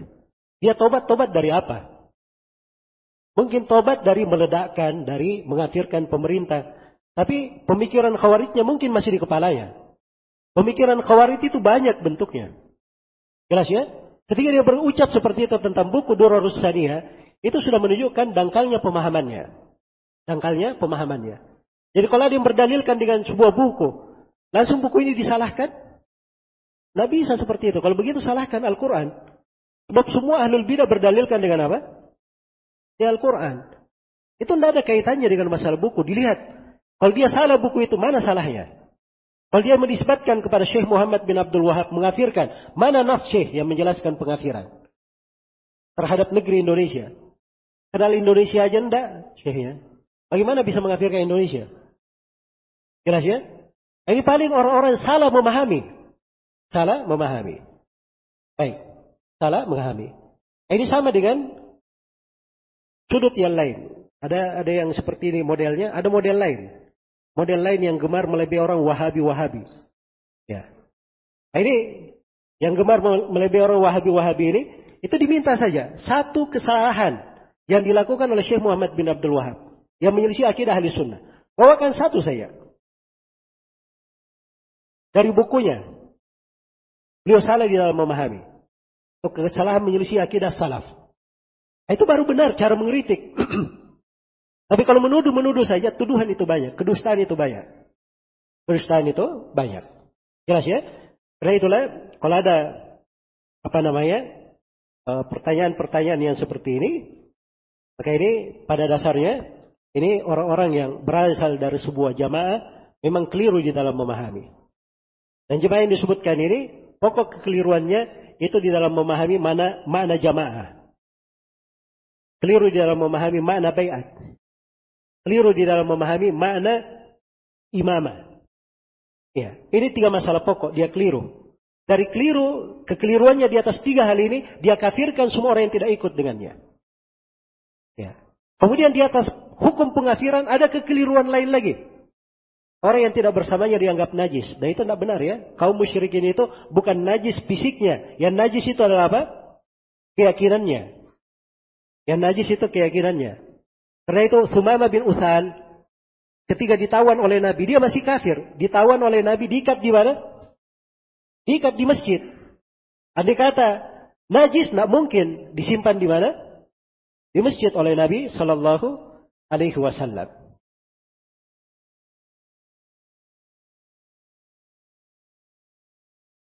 Katanya para pemuda ini juga di Mahat Haram. Saya tahu ya pemuda-pemuda ini di Mahat Haram di mana mereka belajar gurunya di Mahat Haram siapa? Saya tahu. Ya. Saya berpegang dengan fatwa Syekh Fauzan dari kitab Mafhumul Bai'ah.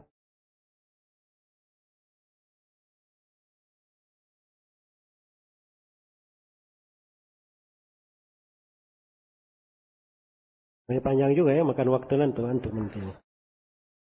Ini yang bertanya tanya pribadi aja ya kalau mau tanya secara nas. Yang jelas saya beri kaidah umum. Orang ini, orang-orang yang seperti ini, kalau dia berdalilkan dengan dalil, ada dua kemungkinan. Kadang dalilnya tidak benar. Jelas ya? Kemungkinan yang kedua, kadang dalilnya benar tapi pemahamannya yang tidak benar. Pemahamannya yang tidak benar. Baik. Allahu taala alam.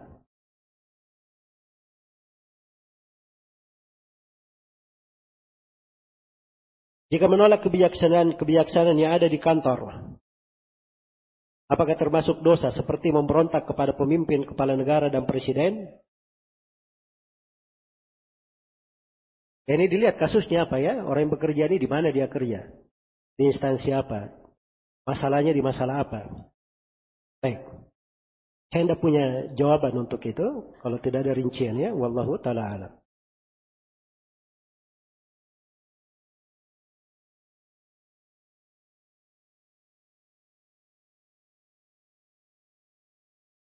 Mohon dijelaskan definisi negeri kafir terkait dengan statement tidak boleh menuntut ilmu ke negeri kafir. Sementara belajar teknologi kita masih mengacu ke negeri-negeri kafir. Ya disebut nama-nama negeri ya, benar di sini. Betul itu negeri kafir. Ya jelas ya hukum yang berlaku pemimpinnya bukan muslim dan apa namanya mayoritas penduduk negerinya adalah kafir itu negeri kafir namanya. Apakah boleh melakukan perjalanan ke negeri kafir? Itu ada pembahasannya. Ya, di pembahasan tata negara. Jelas ya? Ada juga pembahasannya terkait dengan al-wala wal bara. Tapi kalau dia melakukan perjalanan ke negeri kafir untuk sebuah hajat dalam dunia, kemudian dia punya agama yang bisa membentengi dirinya dari hal yang membahayakan agamanya, Kemudian yang ketiga, dia bisa menjalankan agama jadi negeri kafir itu. Kemudian yang keempat, dia hanya berada di sana sekadar keperluan. Dan yang kelima, dia tidak melakukan hal-hal yang melanggar syariat. Misalnya dia perempuan safar tanpa mahram dan seterusnya. Maka itu tidak ada masalah. InsyaAllah ta'ala. Baik. Apakah kaum khawarid kekal di neraka? Saya sudah isyaratkan ya bahwa para ulama berbeda pendapat. Ada yang mengatakan kaum khawarij itu keluar dari Islam. Kafir. Ada yang mengatakan kaum khawarij tidak kafir. Dan itu pendapat mayoritas ulama. Pendapat mayoritas ulama. Dan itu lebih kuat. Ya, itu yang lebih kuat insyaallah taala. Hanya saja pendapat para ulama mengatakan kafirnya itu juga kita hargai. Karena memang ada nas-nas hadis yang menunjukkan hal itu.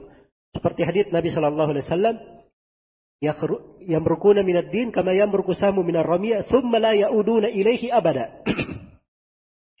Mereka keluar dari agama, sebagaimana keluarnya anak panah menembus sasarannya, kemudian mereka tidak kembali lagi selama-lamanya. Nah, kalimat tidak kembali itu, nah itu kuat ya bagi yang mengatakan kafir ya. Itu zahir pendapat Syekhul Islam Ibnu Taimiyah dan di masa ini dikuatkan oleh Syekh bin Bas rahimahullahu taala. Tapi mayoritas ulama menganggap mereka tidak kafir. Dan saya lebih condong kepada pendapat mayoritas ulama. Ya Allah taala.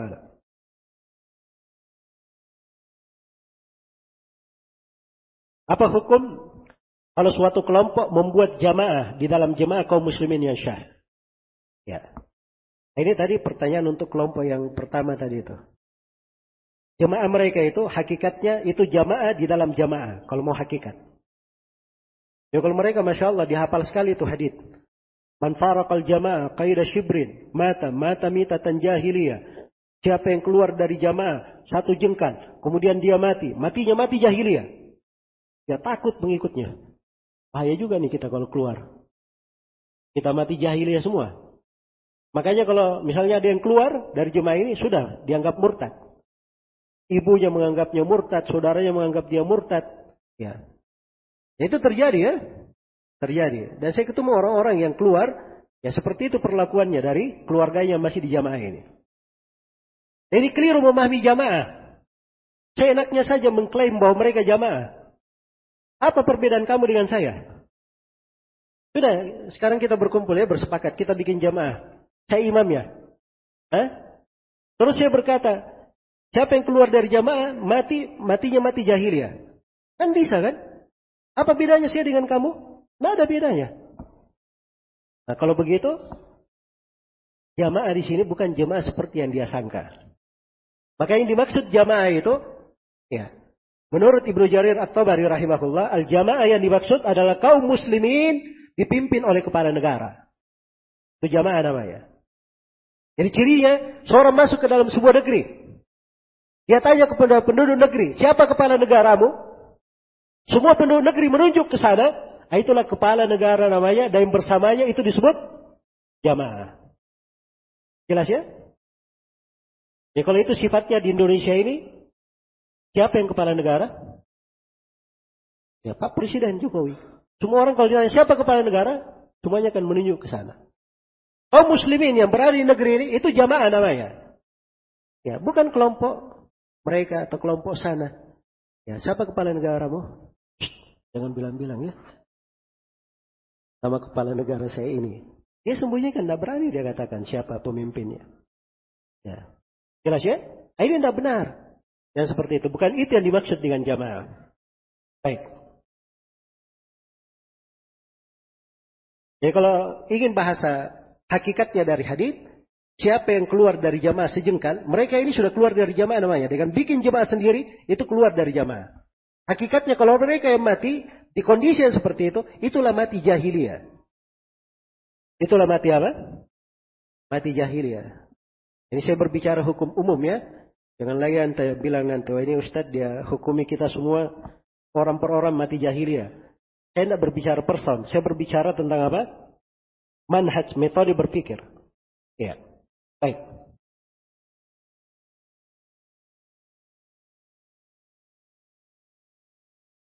Apa benar di dalam hadis disebutkan jika keluar dari ketaatan pemimpin dan mati, maka matinya sebagai bangkai jahiliyah. Itu hadisnya ya.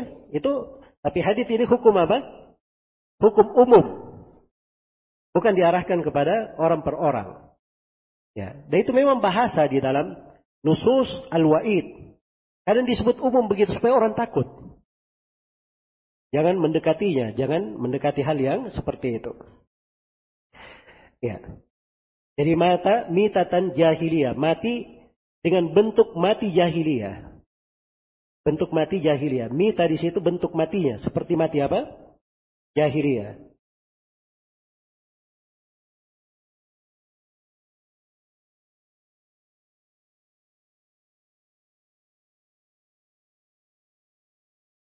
Ini yang tanya gadis emas. Bukan di sini tempatnya ya. Ini pertanyaan pembahasan kita bukan di fikih muamalah. Nanti di waktu lain insya Allah.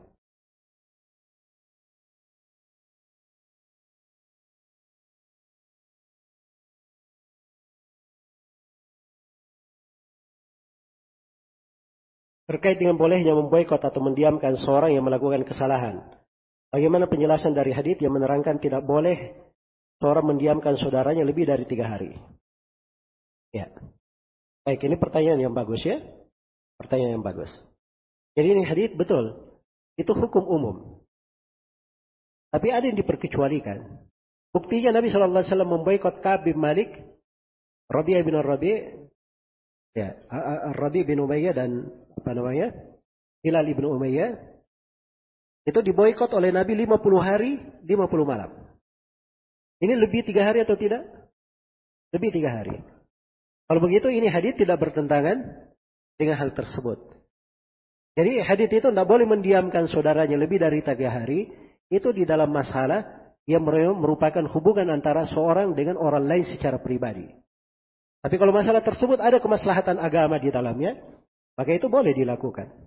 Lebih daripada tiga hari, bahkan Ibnu Umar memboikot anaknya sampai lebih dari apa? Sampai mati, sampai dia meninggal. Tidak membicarai anaknya. Baik. Apakah kelompok khawarid, mu'tazilah, hisbiyah, murjiah, dan ahlul bidah bisa dihukumi kafir? Ya, Masya Allah ya, ngeri sekali. Kalau dihukumi kafir semuanya. Ya, itu ada rinciannya ya. Dan para ulama saya sebutkan tadi tentang khawarid, bagaimana perbedaan pendapat. Hizbiyah itu, hizbiyah di antara bentuk hizbiyah beraneka ragam. Ya. Ikhwanul Muslimin itu tidak dikafirkan. Tidak ada dari ulama yang mengafirkan mereka. Demikian pula Hizbut Tahrir itu tidak dikafirkan. Tapi dihukumi tentang apa? Kesesatan mereka dan keluarnya dari jalan yang lurus. Ya. Baik, ahlul bidah. Ahlul bidah dua macam. Karena itu di pembagian bidah, bidah dibagi menjadi dua. Ada bidah mukaffirah, bidah yang mengeluarkan dari keislaman. Ada bidah yang tidak mengeluarkan dari keislaman.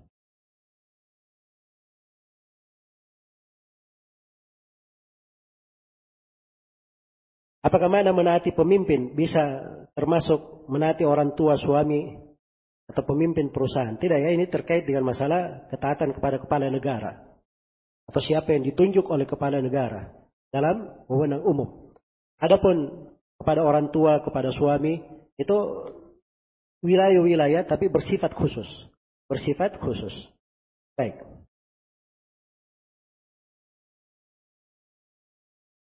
Saya baca pertanyaan terakhir. Baik, bagaimana batasan kita bermuamalah dengan orang yang berpemahaman khawarij? Asalnya seorang muslim itu menjaga dirinya. Itu asalnya.